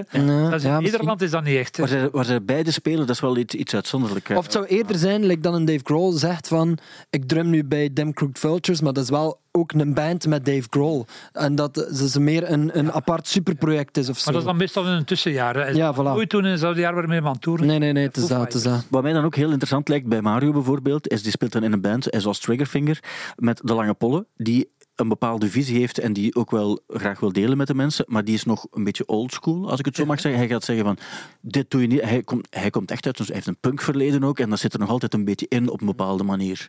Denk ik. En de manier waarop hij denkt en, en waar hij zegt van, dat doe je en dat doe je niet. Ja, dat is vooral een Leuvens kroegen verleden jaren 70. Zo, ja. Ja, maar anderzijds heb je ook eh, Mathieu Terrein bijvoorbeeld, die zoiets heeft van, wij denken niet in hokjes. Het is eigenlijk een soort van schoolvoorbeeld van iemand van, van een, een, deze generatie die zegt van, we gaan niet belachelijk doen, we gaan niet zeggen, dit, is, dit mag en dit mag niet, dat doen we niet. En ik denk dat dat ook wel als muzikant interessant is om eens in, in, in eh, het zijn twee Ja, heel leuke bands, maar wel totaal een andere visie op, op wat muziek is en, en wat je mag of niet mag doen, of vooral moet doen. Dat denk ik dat ook Ja. wel interessant is om in te Maar ik vind het bijzonder interessant, maar ik denk dat het ook typisch Belgisch is. Ja, misschien wel. En ook um, echt iets van nu. Ja. Ik was ook op Kramrock met de, de, de gitarist uh, aan het spelen van zowel eh, Emma Bale als Nova, Nova Star. Star. Ja, ja, ja, ja, ja, ja. Dat heb ik ook meegemaakt. En, Ik- ja, voilà. Ik, moest, ik stond te wachten. Blazers van, van Young Yellow die met Clouseau spelen. Voilà, exact. Moet Ja. Studio Brussel volgend jaar zo een soort quiz doen op het festival. Spot, spot eh, bassist, hè. Zo. Ja, absoluut. Ik weet dat het op, op Lokersfeesten ook zo was. Emma Bale kwam van een ander optreden. Eh, ze komen snel toe op Lokersfeesten, waar ze ook spelen. En daarna stond er een motto klaar om iemand naar, ik weet niet naar wie te voeren, ik, ergens naartoe te brengen. En iemand anders moest onmiddellijk vertrekken om bij Nova Star te gaan spelen. Maar en deze zomer is dan nog een Drie- keer drie extra, omdat het al die festivals die plots he- terug herreizen na corona. Maar wij hebben dat ook gemerkt. En niet alleen dat, maar ook gewoon zo van crew en van zo... dat, dat was gewoon een soort soep waar, waar dat iedereen zo af en toe met een lepel keek wat, dat er, wat dat je kon eruit halen. Zo. Je moet volgend jaar Uber ook doen. Het is, Hey, ja, maar, dus, een soort... Ja. is maar dat is nog gekomen. niet zo slecht. het is zelfs zover gekomen dat dus de man die hier nu eh, op record heeft gedrukt voor de podcast in gang te steken, Kriske, dat Kriske ook, dat hij ook de klankman was van Compact Disc Dummies. En En ook van, ooit weer, het West-Vlaamse fenomeen. Baby? Ah ja, ik dacht dat ja, echt- Hair, Hair Baby ook. Preuteleuter. Preut- ja. Maar dat is... Een, eh, ik, heb het, ik had het er ik net daar om- iets over zeggen? Want Ja. iets, daar moeten we er niet toch eens een podcast aan wijten. Dat is zo... Verpruttelen. West, ja, maar jij bent in West-Vlaanderen. Ja. Zegt die gemeente, want ik, ver, ik verwar altijd met Wevelgem, maar dat is steek, hè? Jij, zei van... Desselhem, ja, Waarhem, Waarhem. Voilà, dat is een andere gem. Maar West-Vlaanderen heeft echt iets op zijn eigen, zoals Preuteleuten, Johnny Turbo. Ja. Fenomeen. Dat zijn allemaal eh, gigantische sterren, maar ik bedoel, Preuteleuten die vullen het casino in. in Ja, ja, dat wij weten normaal. Wij die, weten, die hebben een stadiumshow gedaan met... In Oostende, Ja, in 9000 Oostende mensen. met wij, 9000 wij man. weten dat niet, Stijn. Maar ik had het er net over. En Kriske zei net van, ja, maar zijn nu toch van plan om misschien toch iets buiten West-Vlaanderen. Ik zeg, Ja, hoe spelen die nooit? Nee, die spelen nooit buiten West-Vlaanderen. Maar als die in West-Vlaanderen spelen, zit die zaal vol, Ja. twee keer. Ja. Ja, dus dat is... Dat is Maar ook op een andere manier. Het Hof van Commerce in, in begindagen, nu lukt dat wel, maar in, in Limburg... Ja. Ja, ik, ik, be- ik begrijp soms niet wat dat die zeggen. Ja, voilà. Snap dat. Ja, ja. Maar om aan te geven, dat is een aparte staat. Dat is een beetje een Texas. Ze noemen het de Texas, maar dat is eigenlijk Ja. muzikaal ook een soort van, van Texas. Ja, het is, wel, het is wel de Wild West soms een beetje. Ja. We zijn in West-Vlaanderen, dat kan ik wel zeggen. Het is daar soms echt een, een, ja, een soort van... Soms heb je echt het gevoel van... Wat, wat binnen de, de varkensproducerende nijverheid gebeurt, blijft er binnen. Zo, we moeten dat er niet buiten doen. En dat vind ik ook prima. En zeg met de grootst mogelijke vorm van respect uiteraard voor alles. Nog even iets over die reclame trouwens. Arno heeft een paar keer in zijn leven reclame gemaakt. Dat was ook, dat was ook weer typisch Arno. Ik Hij heeft er eentje gedaan voor Lancia, een automerk, terwijl hij geen rijbewijs had. Nice. Ah, ja. Fantastisch, hè? Maar hij zei van, ja, moest ik ooit een auto hebben, dan zou het wel een Lancia zijn. En ik heb er nog een gevonden onlangs in Nederland, die had ik eh, pas ontdekt. Daar maakte hij dan reclame voor Grols, maar niet voor de gewone Grols bier, maar non-alcoholisch. Hij zei van, ja, dat is mijn bier. Ja. Het zal wel, hè. het zal wel. Het is net zoals eh, toen Noel Gallagher eh ehm, What the Story Morning Glory had uitgebracht en tot een million seller was dat ook geëindigd. En toen heeft hij van zijn plaatfirma een Rolls Royce gekregen als dank voor de centen die het opgeleverd heeft. Hij had geen rijbewijs ook. Maar hij dacht van ik wil toch ergens mijn dankbaarheid tonen. En als je naar de clip van Don't Look Back in Anger kijkt, dan zie je wel dat het toch is dat hij er een cameo Daar gekregen staat. heeft. En voor de rest kon hij daar niets mee doen. Ja, trouwens, als Oasis van heb je het geweldige eh, Belgische verhaal gevonden van Oasis in mijn boek. Wacht, nu moet ik denken. Stable Man, nee. Nee, nee. Ook Zo'n ontdekking, hè. dat is ook weer zo'n typisch verhaal. De, de, de, de, wat ik er straks al zei, ik ben zo bezig met, met de buitenlandse impact. En dan was ik aan het denken zo... ehm, de, de bassist van The Clash Ja. was Paul Simonon. Ja. Paul Simonon, ja. Van de, zou dat nu familie zijn van Simenon? Wat blijkt nu, die familie komt uit Luik. Maar, Dus die, dat is, Simenon is eigenlijk Simenon. Maar- Suzy van Suzy in de Banshees, heb jij nog gekend? Ja. De, de zangeres. Die haar pa, dat was een, een, een, ding, een, een viroloog, een Waalse viroloog die een jaar lang in Belgisch Congo heeft gewerkt. Dus dan, dus dat, vinden we, dat vinden wij eigenlijk fijn. Er is een gast, ik ben even zijn familie kwijt, Patrick, die speelde in een punkgroepje in de begin, eind jaren 70 in Namen. Is naar Londen verhuisd, is eh, ehm, eh, gaan werken in studios en zo. Heeft dan ehm Bomb the Bass, een van die geweldige bom, heeft hij meegeschreven. Dus die, die gast zat overal vertakt eigenlijk. En dan heeft hij eh, jarenlang gewerkt met in Spiral Carpets. Dus Waar Noel Gallagher Rody. waar Noel Gallagher eh, van was. En een van de nummers, een van de platen van In Spiral Carpets is genoemd naar het feit, naar het feit dat hij een Engels woord verkeerd uitsprak in het Frans. Maar dat ben ik nu even kwijt. Dus die gast die kent heel die scene. Die is daarna met Kylie Minogue en zo gaan werken. Die heeft nu die, eh, de studio in het zuiden van Frankrijk. Super sympathieke gast. Ik ken hem ook totaal niet. Ik wil hem echt eens gaan opzoeken. Dat is zo weer zo'n verhaal van volgend jaar zit Compact Design in het zuiden van Frankrijk. Hoe komt dat dan? Ja, ik bedoel, die gasten met Youth, met alle grote, met Flut, met alle grote producers gewerkt eigenlijk. Dat is zo... En eh, het fijne, we hebben altijd van die missionarissen, zo Belgen die dan ergens belanden. ja, ja. En dan ineens is dat zo, gaat die weg open naar... eh, Ik heb dat verteld van dat ik in... eh allee, waar ben ik nu op reis geweest? Ehm, Dat ehm, weet niemand. immer heldere... Nee, nee, allee, waar, waar, dat alles, waar, dat alles wit, waar dat de mol ook zat in het begin, waar alles wit geschilderd is. Ehm, eiland... Op het eiland. ah, eh, het, het het de... vulkanische eiland. Ja, het? nee, waar, waar, het- het- het Italië? meest- nee, Nee, nee, Spanje. Griekenland, eh, Het, Spanje. het, het meest vulkanische eiland van... eh waar, Ah, ja, ja, de- van, Canarische eilanden. ja, de Eh, Canarische eilanden. Fronte, nee. Ah, Lanzarote. Lanzarote. Eh, dus, eh, wij zijn, wij, ja, maar wij zijn daar. De, de, de luisteraars het ons niet vergeven. Hè, hè. Gingen weer bestookt worden met berichten. Eh, we zaten daar en daar was, eh, Spanje. Daar was eh, Famara, zo een prachtig ding aan, het- aan het water. En eh, we hadden gehoord van iemand, we waren daar. Ja, dat zijn Belgen die dat uitbaten daar. Ah ja, leuk, oké. We gaan een keer langs. En, ehm, en dan like, een berichtje gestuurd van, hey, kijk, we zijn in de buurt. En die, die gast, ja, kom maar af, kom maar af. En eh, wij zijn like, even aan het babbelen. En na zo'n uur blijkt eh, dat die gast de eerste is die ons ooit geboekt heeft. Nou, Ja, en dat was voor ehm, eh, Laundry Day, voordat wij bekend waren. En hij zei van, ik, ik zocht alles zelf op. Ik was zo vreemd bezig met hoe dat alles eh, in de elektronische muziek zien. Dus wij zijn er in 2010, toen dat wij bestonden nog maar... Dus ik heb ook gevraagd van, hoe zei hij ons... Hoe hij op ons gekomen van de... En hij zei, ja, gewoon, ik checkte zo wat Soundcloud MySpace. en zo wat MySpace Ja. en zo wat VI.be, zo die dingen. En, en eh, ik zei, maar, maar wij stonden daar ook zo raar. Wij stonden daar, eerst wij en toen eh, Raving George. En Raving George, dat is nu Charlotte, Charlotte Witte. Wit. Ja. Ja.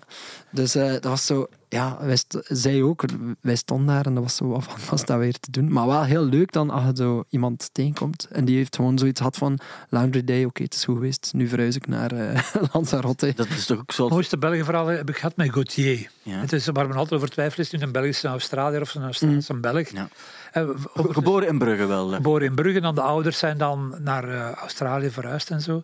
En ik was dan, ik was, het verhaal staat ook in het boek. ehm, dat, is een, een, dat is een, een band, eigenlijk een beetje het vervolg na Wallace Collection Daydream, is een van onze grootste hits geweest. En een van die bandleden eh, begon een eigen band eigenlijk, Esperanto heette die band. En het hele raar was, ik was heel het- en die waren getekend in, in Engeland, dat was echt heel groot. Ah, Er zijn ook wel dingen gebeurd in de jaren 70 die ik zelf niet wist. We denken altijd van, tot 1980 is er niks gebeurd en dan begint het, maar dat is, eigenlijk niet waar. En ik, ik eh, ben daarmee bezig en ik merk dat een van die nummers van Esperanto is gesampled door Gauthier. En ik denk, maar hoe kan die... Ik bedoel, is, dat, is dat nu toeval, toeval of niet dat hij dus een Belgische band samplet of niet eigenlijk? Hè?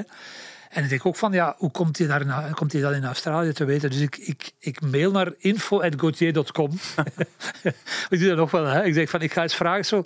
Hè, wat hebben jullie? En ik krijg binnen het half uur krijg ik dus een, mail terug. Van, van, op dat moment was dat een wereldster. Hij woont in, in New York. Hij is met heel toffe dingen bezig. Zo on the site en zo. Dus heel muzikaal nieuwsgierig. Hij is ook met oude instrumenten bezig en zo.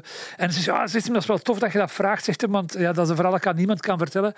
Hij zegt van, ja, ik ben aan die plaat bezig. En ik... eh, ik eh, ik had een plaat gevonden in, in, de, in, de, in de kringwinkel. Hè, in de kringwinkel in Australië van een zekere Esperanto. En ik, ik dacht van, dat- dit, dit zoek moet ik gebruiken. Het is pas als ik het ging kleren dat ik merkte dat dat ook een Belgische band was. Want ze zeiden van, dat is nu wel onwaarschijnlijk. Dat ik ben dus met mijn ouders naar Australië gereisd en die plaat is eigenlijk gewoon meegereisd. Dus Ja, ja, ja. Het is toch onwaarschijnlijk dat een, een Belgische... Die hebben ook dat- zelf in de kringwinkel gelegd, die Die- ouders. Moet je dat Ja, dan terug gaan kopen? Dat is toch, dat is toch fantastisch hè, dat, ze, dat zo'n dingen gebeuren eigenlijk. En die, en die, eh, die muzikant leefde dan ook nog, dus die hebben die nog in, in contact gebracht met elkaar. Dus dat, ja, dat is, dat is eh, zeer onwaarschijnlijk. Ik eh, zag ook in jouw boek eh, staan, de Sprache Kaan heeft in 2000 de mainstage van Rock Werchter afgesloten. Ehm, d- daar moeten we wel eh bij vertellen, ik weet dat hij het zelf ook zo vertelt. En het klopt ook, het is ook een volledig juist feit uiteraard. Letterlijk klopt het, hè? Letterlijk klopt. Het was wel na Oasis.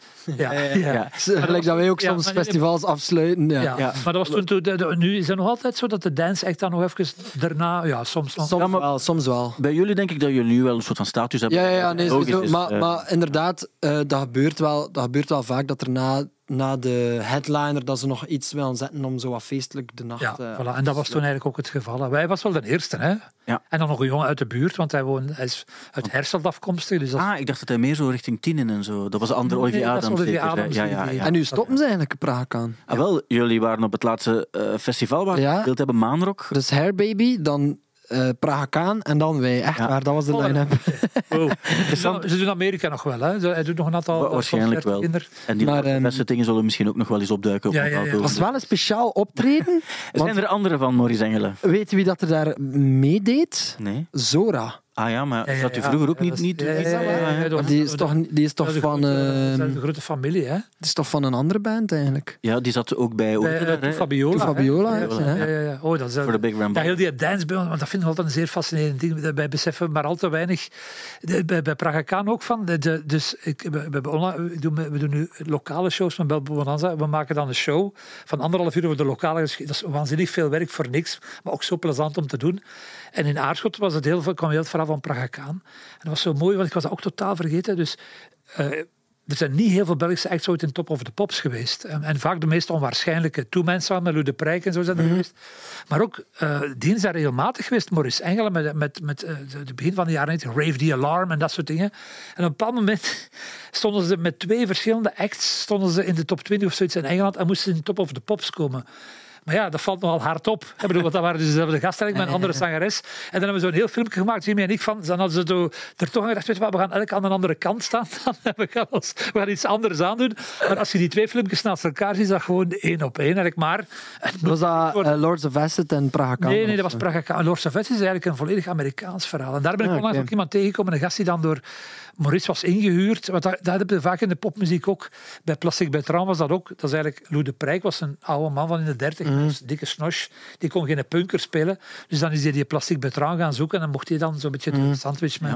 Wat ook geen punker was eigenlijk, hè? Wat ook geen punker was. Nee, nee, maar dat, ja, dat zijn zo, maar dat Ja. zijn de, de, de, de. En dat was Eigenlijk zot. Eigenlijk vroeg ik me dat af. Hoe kan het dat Milli Vanilli gecanceld wordt daarvoor en dat Plastic Bertrand verhaal gewoon zoiets is? Eh, dat is een Het zou gimmick. niet mooi zijn om Compact Disc in, in Australië te lanceren, maar met twee andere gasten. Twee andere. Ja, knappe, knappe gasten. Ja, ja, het, het. Want wat ik ook zo ontroerend vond, de Beastie Boys hebben zo Beastie Boys Cookbook, zo het, het enige echt officiële boek dat ze Ja, ja, ja. hebben uitgebracht. En achteraan staat dan een lijst van de nummers die belangrijk zijn geweest in, in onze geschiedenis. En een van de nummers die erbij staat is Plastic Bertrand Sans Plan moi. Maar dat is de grootste punkhit aller tijden Ja. in verkoop. Ik bedoel, we, mogen, we moeten dat eigenlijk wel Ook 1977 of zo, denk ik. eh, vo- volle, 78, ah, 79, vo- ja, ja, volle punktijd ook. Ja, ja, ja, ja En maar dan- daar wordt toen mee gelachen. Hè? Ja, Maar nu zou- nee, maar die gaan ook eh, de Chili Peppers spelen als warm-up song. Hè? Zo vaak voor de concert. allee, Zo, dat, dat, Sonic Youth heeft dat gecoverd, dus dat is, dat is een zeer credibele punksong geworden eigenlijk. Straf, hè? Het is ook het enige nummer ehm, waar, om te lachen, ging het over Belgische voetballers, met bijvoorbeeld de, de Gallaghers.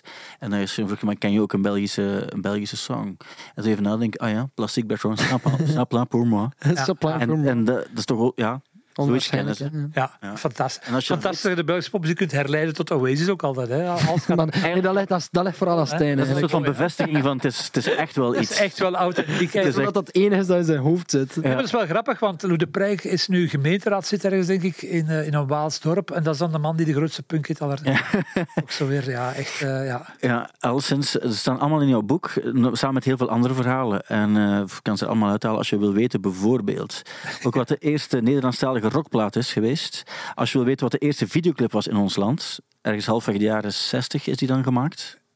Ja. Volgens jou? Is het een quiz voor mij nu? Want Nee, want je hebt het... Ken je je eigen boek? Ehm, ehm, nee, ik had mensen Nee, zullen het eerst wel de mensen aan hè. het teasen. Het, het is, het het is een pure vorm van teasen ook. En de belangrijke vraag, de enige vraag die, die ik wilde weten en die er toch niet in staat, en dan zeker als Wiltura-kenner, als jij zou dat eigenlijk... Zou er, wat ik altijd gehoord heb, soms van echt zeer grote Belgische namen die het nooit officieel wilden zeggen, maar altijd wel zeggen, ja, volgens mij.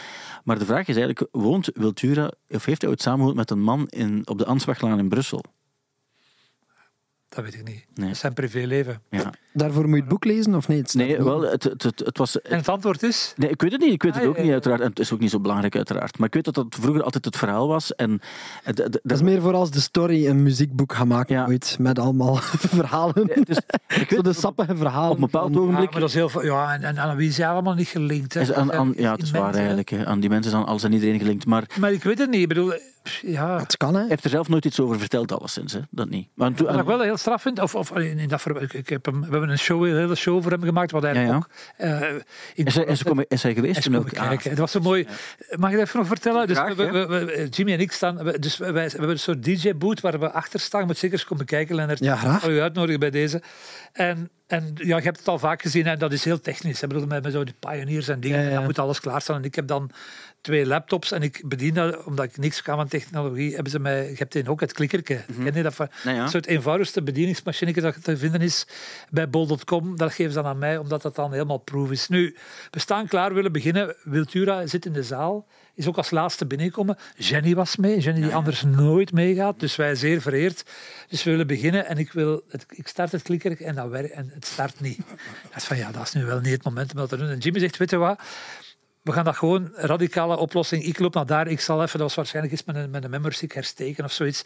Ik zal dat gaan doen en dan, dan passeert dat wel. Mensen gaan dat toch niet gezien hebben. Dus Jimmy die gaat op.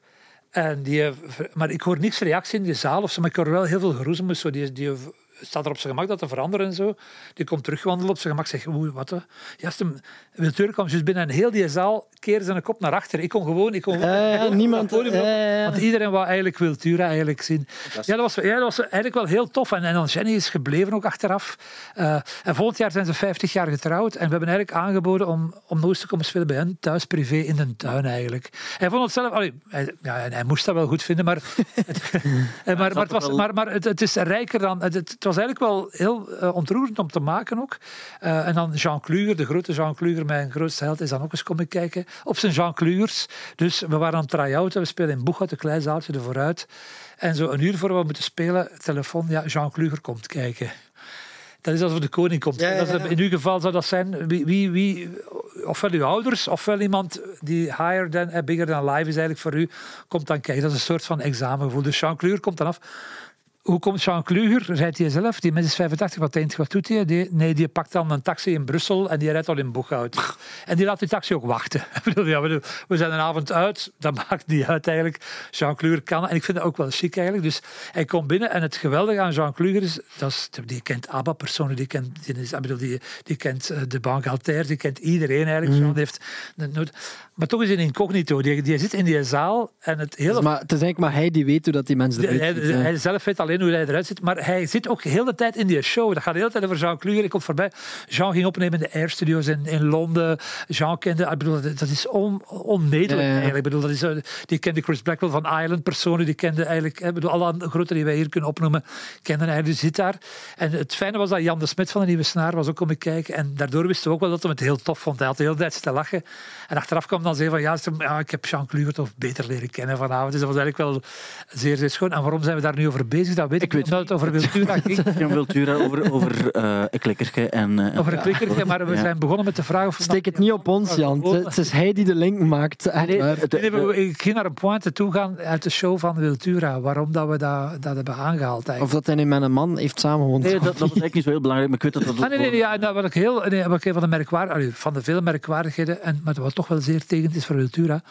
Wiltura woont in Brussel. Wiltura is op een bepaald moment ten eerste is heel die familie Tura ooit mee verhuisd van Veurne. Misschien had je dat ook moeten doen.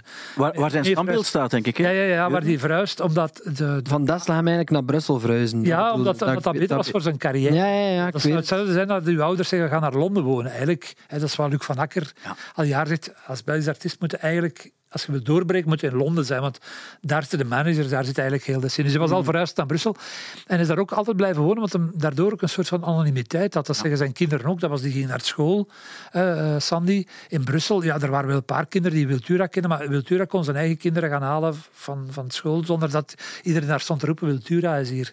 Ja, dat vind ik wel chic. Ja, ik kan me goed... Ja, je moet niet Ja, dat is een altijd... soort van incognito. Zit de grootste in uw land en toch kunnen. hè, Dat is wat, wat Koen Ik vraag, mij, soms af, en ik heb al over nadenken, of dat, dat nog altijd zo is, dat dat... Allee, staan nu, dat, dat dan op kleinere schaal, maar zo van... Zou ik nu naar Brussel moeten verhuizen? Zou dat anders zijn voor, voor mijn carrière? Zou dat iets Vandaag niet, denk ik. Maar. Vandaag de dag niet meer, hè, maar... Ja. Dat is ook iets raar voor uw generatie. Ook van, je moet eigenlijk al vrij jong een keuze maken waar je, waar je op mikt. Ik bedoel, je moet al een taalkeuze maken. Ja, ja. En die is valabel. De mens heeft dat gedaan, of die Evgenisch doen dat.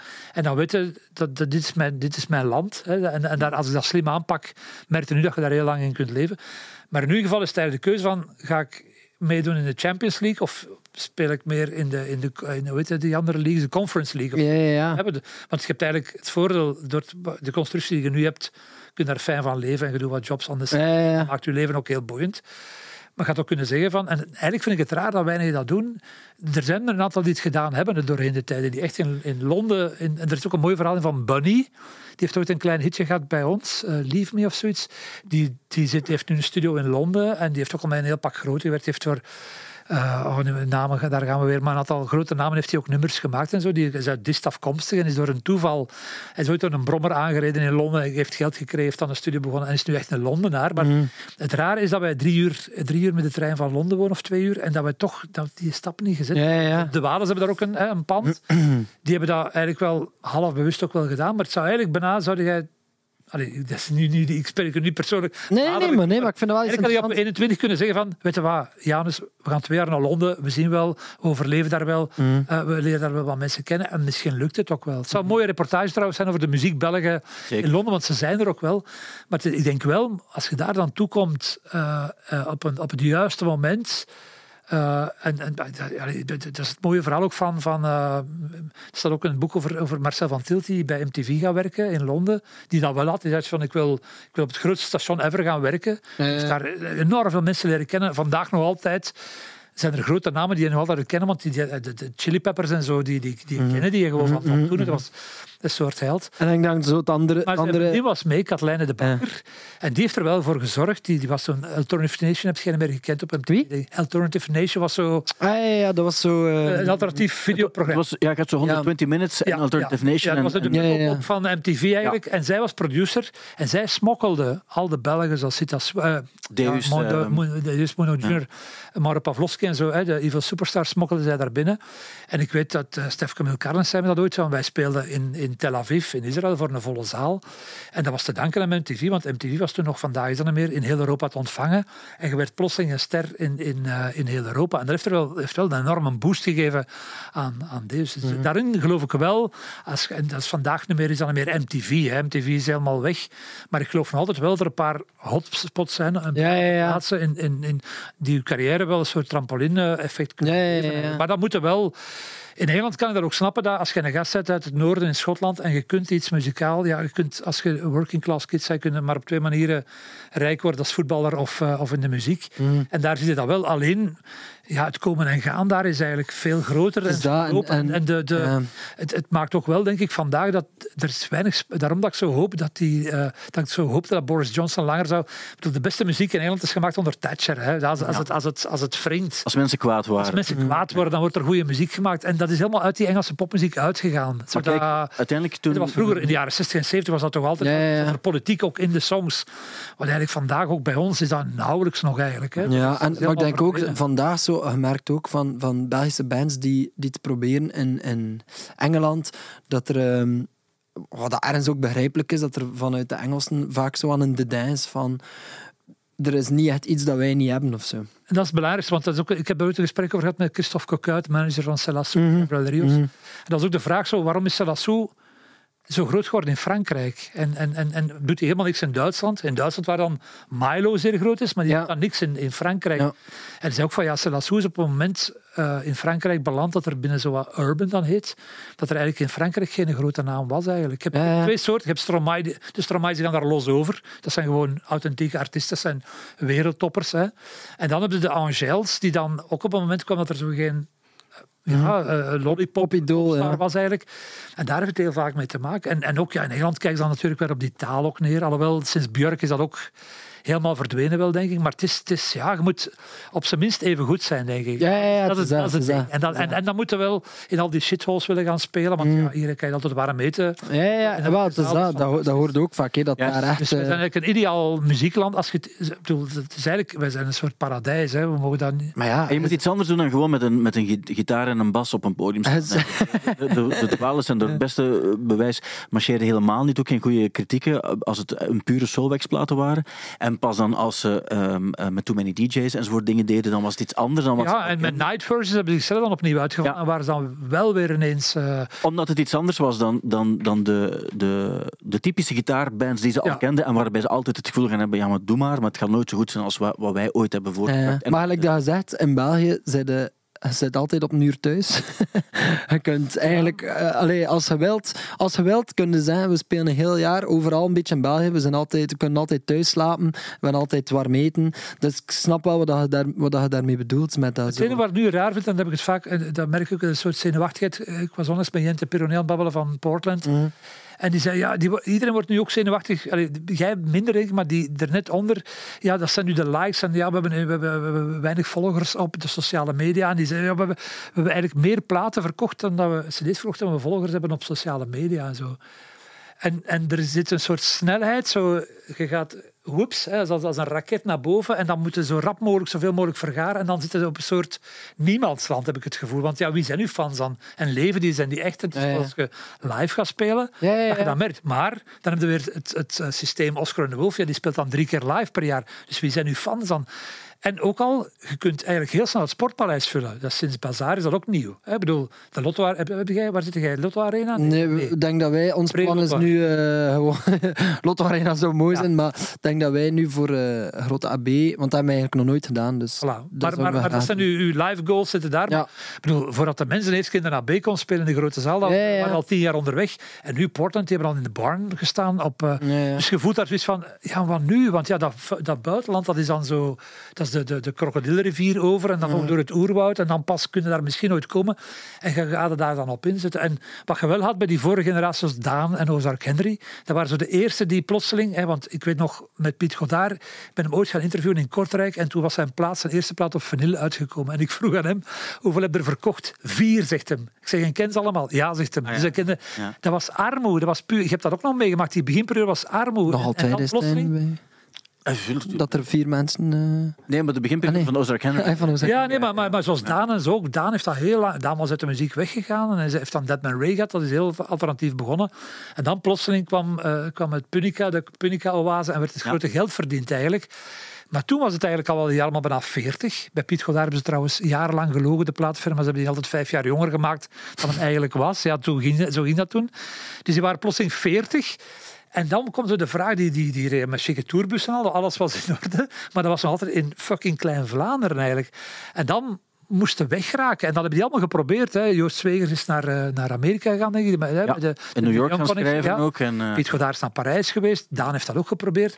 Maar die hadden zoiets van... Ja, dat, waar, moet hij daar op een klein kamertje gaan zitten in Parijs als jij, als jij gewoon kunt rondkomen in België met de muziek die je maakt eigenlijk. Dus dat is, en nu die generatie die kan dat eigenlijk, zou dat wel kunnen, maar daar merk ik dat die ambitie er is, maar dat er nog niemand is die Nee. gaat komen, denk ik. hè. Dat, dat kan bijna niet anders. Je hebt zo ergens ook wel, denk ik, die jaren 90 push eh, hadden deze bijvoorbeeld dan, dan wel in Europa toch, niet in, in Amerika, waar ze ook gespeeld hebben, want dat was ook vaak voor, voor, voor 50 man. Maar bijvoorbeeld een Hooverphonic, die dan nu ook weer, ik zag dat ze in Dubai, in de Dubai Opera House een concert aangekondigd hebben ook en zo. Dat weet je beter, want jou- om, om over crossover te spreken, jouw broer, jouw ja, broer jongste werkt, broer werkt voor werkt eh, voor. Dus dan weet je ook waar die allemaal... Hij schrijft alle nummers. Hij schrijft alle nummers. Ja. Hij is eigenlijk eh, de echte bassist. Ghostwriter. De echte bassist. Maar Trouwens, over vond ik, moeten wij eens een podcast maken over Raymond Geert. Dat is de meest onbekende. Wij, we hebben wel een soort poging gedaan eigenlijk. we hebben het ooit, maar hij heeft het zelf ook gedaan op de het festival. Heeft hij zichzelf eh, ja, ja, ik weet, ja, toen met zijn, met zijn hotel voor zijn, zijn hond of kat, wat was het toen? Ik? Er was... eh, ja, dat we dat allemaal gepost. ja, ja, Ah ja, ja, ja, tuurlijk. Maar hij heeft op een bepaald ogenblik heeft hij de socials vastgepakt en niet meer losgelaten. Ja, Ja, voilà. dat, moet, dat moet in eh, kaart ja. gebracht worden, minutieus. Maar dat is een beetje jouw werk. Ja, dat is wel waar, eh, Maar dat, je, kunt, je eh, kunt in de, de bekendste band van... Hè, datzelfde verhaal toch van wie, wie is de drummer van Coldplay, was ook zo heel lang. Hè? Zo'n ding van, ja, veel van die grote bands kennen de, bassist of de drummer vaak niet meer. hè. ja. Terwijl Coldplay ook net een van die bands is die nooit gewisseld zijn van, Nee, van bandlid. Ja, Ehm, ja. Ja. Maar wat. Ik heb die docu gezien, op, eh, die staan nog op Canvas, denk ik, dat vond ik wel merkwaardig ook. Ik zat er naar te kijken en dacht van... Fuck, dat is nu de eerste band dat ik ken die vanaf de eerste scheet dat ze gedaan hebben, toen ze totaal onbekend waren, die alles gefilmd hebben. Eh, Wel, en de grap is... Was dat Coldplay? documentaire? Ah, ik ken nog Weet niet. je, wie, weet je wie het gefilmd heeft ook? Dus de gast die dat gefilmd heeft, zat dus bij hen ook gewoon in de klas. En dat was bij nu, ik kan nu even niet op zijn naam komen, maar laat het Ja, mij zo ja. samenvatten. De, de kerel die het gefilmd heeft, is de kerel die ook de docu gemaakt heeft Ja. zelf. Want hij had, hij had een, een, een kleine camera. Ehm, vandaar ook het, het onwaarschijnlijke moment ook in die documentaire waarbij ze Chris Martin filmen, nog met blokjes ook, op Ja, de, ja, ja, de ja, parking van het afstudeerfeest aan de, aan de Unif. Doen, onwaarschijnlijk. Waarbij hij zegt van, kijk, we zijn hier nu met, met onze band The Coldplay, zegt hij. Maar ehm, over vier jaar gaat iedereen ons kennen. Iedereen, bla. En dan spoelen ze door, vier jaar later, headliners op Glastonbury. Eh, En dat is een onwaarschijnlijk moment. En, zo wat- en dus die gast, dat is de gast die nu een docu aan het maken is over Metallica. En die heeft ook Supersonic van de band Oasis de docu gemaakt. We zijn erbij. En zo zijn we Zo, weer. hoe zijn dat ik nu... Ik ga nu zo blokjes aandoen. En Ja. dan ga ik zo op de parking staan. nee, Zo, en binnen vijf jaar Nee, nee, de- staan we op de Weertse Eigenlijk een bierfeest. geweldig idee. En een remake maken van uw eigen bandgeschiedenis, dat zal beroemd zijn eigenlijk. En alles. Binnen vijf jaar staan we op de Weertse bierfeest. En niemand gaat ons Merkwaardig, tegen. In mijn leven, eh, levensloop had ik nooit verwacht welke band heeft het, het beste archief. Heb jij een archief? We hebben wel een archief, ja. En wie houdt het bij? De mama of Eh, een vriendin? De, ha- de harde schijf van de computer. Het zijn zo vooral Oh, beeldmateriaal. dan. Ja, backup. Ja, jawel, backup. Mijn broer, mijn broer is wel goed in backups en zo van die dingen. Cloudman. Wat mij Cloudman, verbaasde Cloudman. was de band die dat, en dat, ik had dat niet verwacht, maar met mij logs en alles. Maar altijd te weinig, hè. Ja, Nee, altijd te weinig. ook vanaf moment één. Is het waar? Foto's, Ah, ja. beeldmateriaal. Onwaarschijnlijk. Die kunnen echt een, eh, een film maken van, van drie uur over Ja, ja, dat is bij ons wel echt niet... eh, Dat is, We ja, gaan zoveel verloren eigenlijk. Hè. Ja, ja, ja. Ik, denk, ik denk de Solbacks hebben er ook wel heel veel, heel veel bijgehouden. Maar dat is, het is eigenlijk een vrij belangrijk... Misschien niet voor nu, maar voor binnen twintig jaar of zo. Ja, ja, Dat is, tuurlijk, eh, tuurlijk. Dat, dat wordt ook zo, of is ook zo belangrijk geworden. Ik denk ook de Soulwaxers bijvoorbeeld. Er staat ook een artikeltje van Soulwax in jouw boek. Maar het is niet, niet het stuk van, van de New York Times waar ze ooit eh, een review hebben gekregen op de, op de Ik denk voorpagina. dat- ja, ja, ja. Het, is, het is een ander stukje dat Dat, is. we- dat was de, de, de plaat van het jaar, denk ik. Hè, Ja, in, zoiets eh, was het. 2000. Ik film wel altijd, als we opnames doen, en zo tijdens de plaat, dat, ik- dan, dan heb ik altijd zo'n handycam Ja. en dan zet ik dat daar en dan film like, Ja. Zo kunnen zo, als je een uur bezig bent, dan heb je plots een idee voor een melodie en dat wordt dan echt iets, dan is het wel leuk dat je dat hebt ook en dan Ja. Ja. kun je daar iets mee doen.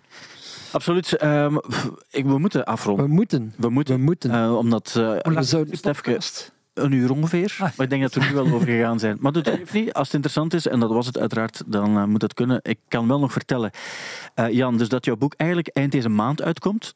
De Dikke Delvaux. En je gaat ook nog spelen in eh, Gent. Dat is meer specifiek op 30 september in de Minaar in Gent. Ah, leuk. Een soort van release. Ja, is al Ja. bijna uitgevoerd. Het moet heel, heel snel zijn. Ja, ik, ik wou zo... Ik dacht van, ja, als we dan nog een boekvoorstelling doen, moeten we een beetje special guests en dat soort dingen zijn. Dus Njord, die al al Ja. de zaken is dat een beetje in elkaar. Ik heb gezegd van, ik zou eigenlijk een paar verhalen echt uit het boek live willen brengen. Ik heb een paar mensen gevraagd om ook iets te doen. Het wordt zo'n beetje een... En Jimmy is er natuurlijk ook bij. We gaan... Ja. Het allermooiste verhaal in het boek is Moes Kroen, denk ik. Dat, is, dat ken jij van, een- van Mhm. in de zaal. Mhm. Dat is zo'n schoon verhaal, Lennart. Dat is, dat is zo een, een oer-Belgisch verhaal. In die stad zijn eigenlijk drie of vier wereldhits. Dat is de, de Vogeltjesdans, eh, Born to be Alive. En dat is gewoon de boekhouder en de badmeester. eh, Zo twee gasten die totaal nitwits hebben, die zijn daar eigenlijk eh, begonnen. En dat verhaal blijft van doorgaan en doorgaan. En dat gaan we ook opnieuw brengen. Dat is Oké. een, een heel schoon verhaal. Ja. Ja. Dat gaat heel, eh, heel fijn zijn. Je kan er naartoe gaan, je kan nog tickets kopen als je snel bent.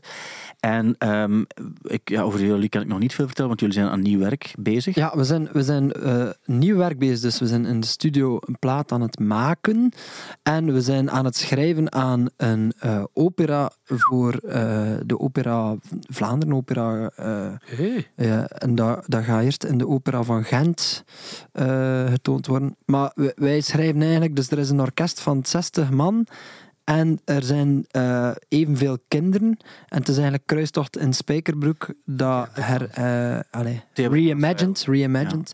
Oh. En ehm, wij zijn zo wat... ja, Ik weet niet of ik dat allemaal mag vertellen eigenlijk. Maar wij zijn zo wat slechterikken. En ehm, Speelt mee. ja, we spelen ook mee. En wij hebben zo tracks. En dat is dan zo heel... Het is heel Nine Inch Nails geïnspireerd. Zo heel metaalachtige klanken en zo. Eh, dus het, het is voorlopig wel heel leuk. En wat dat tof is, dus dat is een eh Frederik, dat is een eh, componist voor de opera. En die komt dan bij ons. En gelijk dat wij dan dat Ableton-project openen, heeft hij zo een stapel met handgeschreven partituur. partituur mee. En dan zit hij zo, ja, welk nummer is dat? En dan zit hij zo. Dus als wij zeggen, we willen dat twee maten langer doen, dan moet hij een nieuw blad eh, aankopen. En dat, het is waanzin. Van wie Ik komt heb dat nog vraag dan? nooit van... eh, wel, het is eigenlijk een samenwerking met Kopergieterij, dus het is een opera Ah, ja, ook ja, voor meer jonge mensen. ja, ja. En nooit met de Kopergieterij al iets gemaakt, dus zij hebben dat gevraagd van bij jullie. Farinelli-style ga je dan niet op het podium staan. Wat? Opera. Farinelli, ken je niet? Il Castrato? Ja, ja, ja. Ah ja, je castrato, ja. Ehm, wel, ehm, ja, ik weet niet of dat ik... Jawad, eh, die, die haalt zijn zing. Dus wij hebben ook wel dingen al voor hem geschreven om te zingen en zo. Dus ik ga ook wel wat zingen, maar het gaat niet, eh, het gaat niet zo... En als Ja, zo is, zal kan het ook goed zijn. Ja, dat is voilà. sowieso. Maar eh, Wauw, ik- zeg, allemaal in dit leven. hè? en dat allemaal. Misschien kan dat ook nog eh, babbel gerust Oh, nog ja, even ja, verder voor het volgende boek. Want Mag ik je ook echt al info- ik heb, ik heb een, een lijst en, en, en de mooiste dingen. Ik heb al het gevoel dat de mooiste dingen nog boven komen. Want Ja.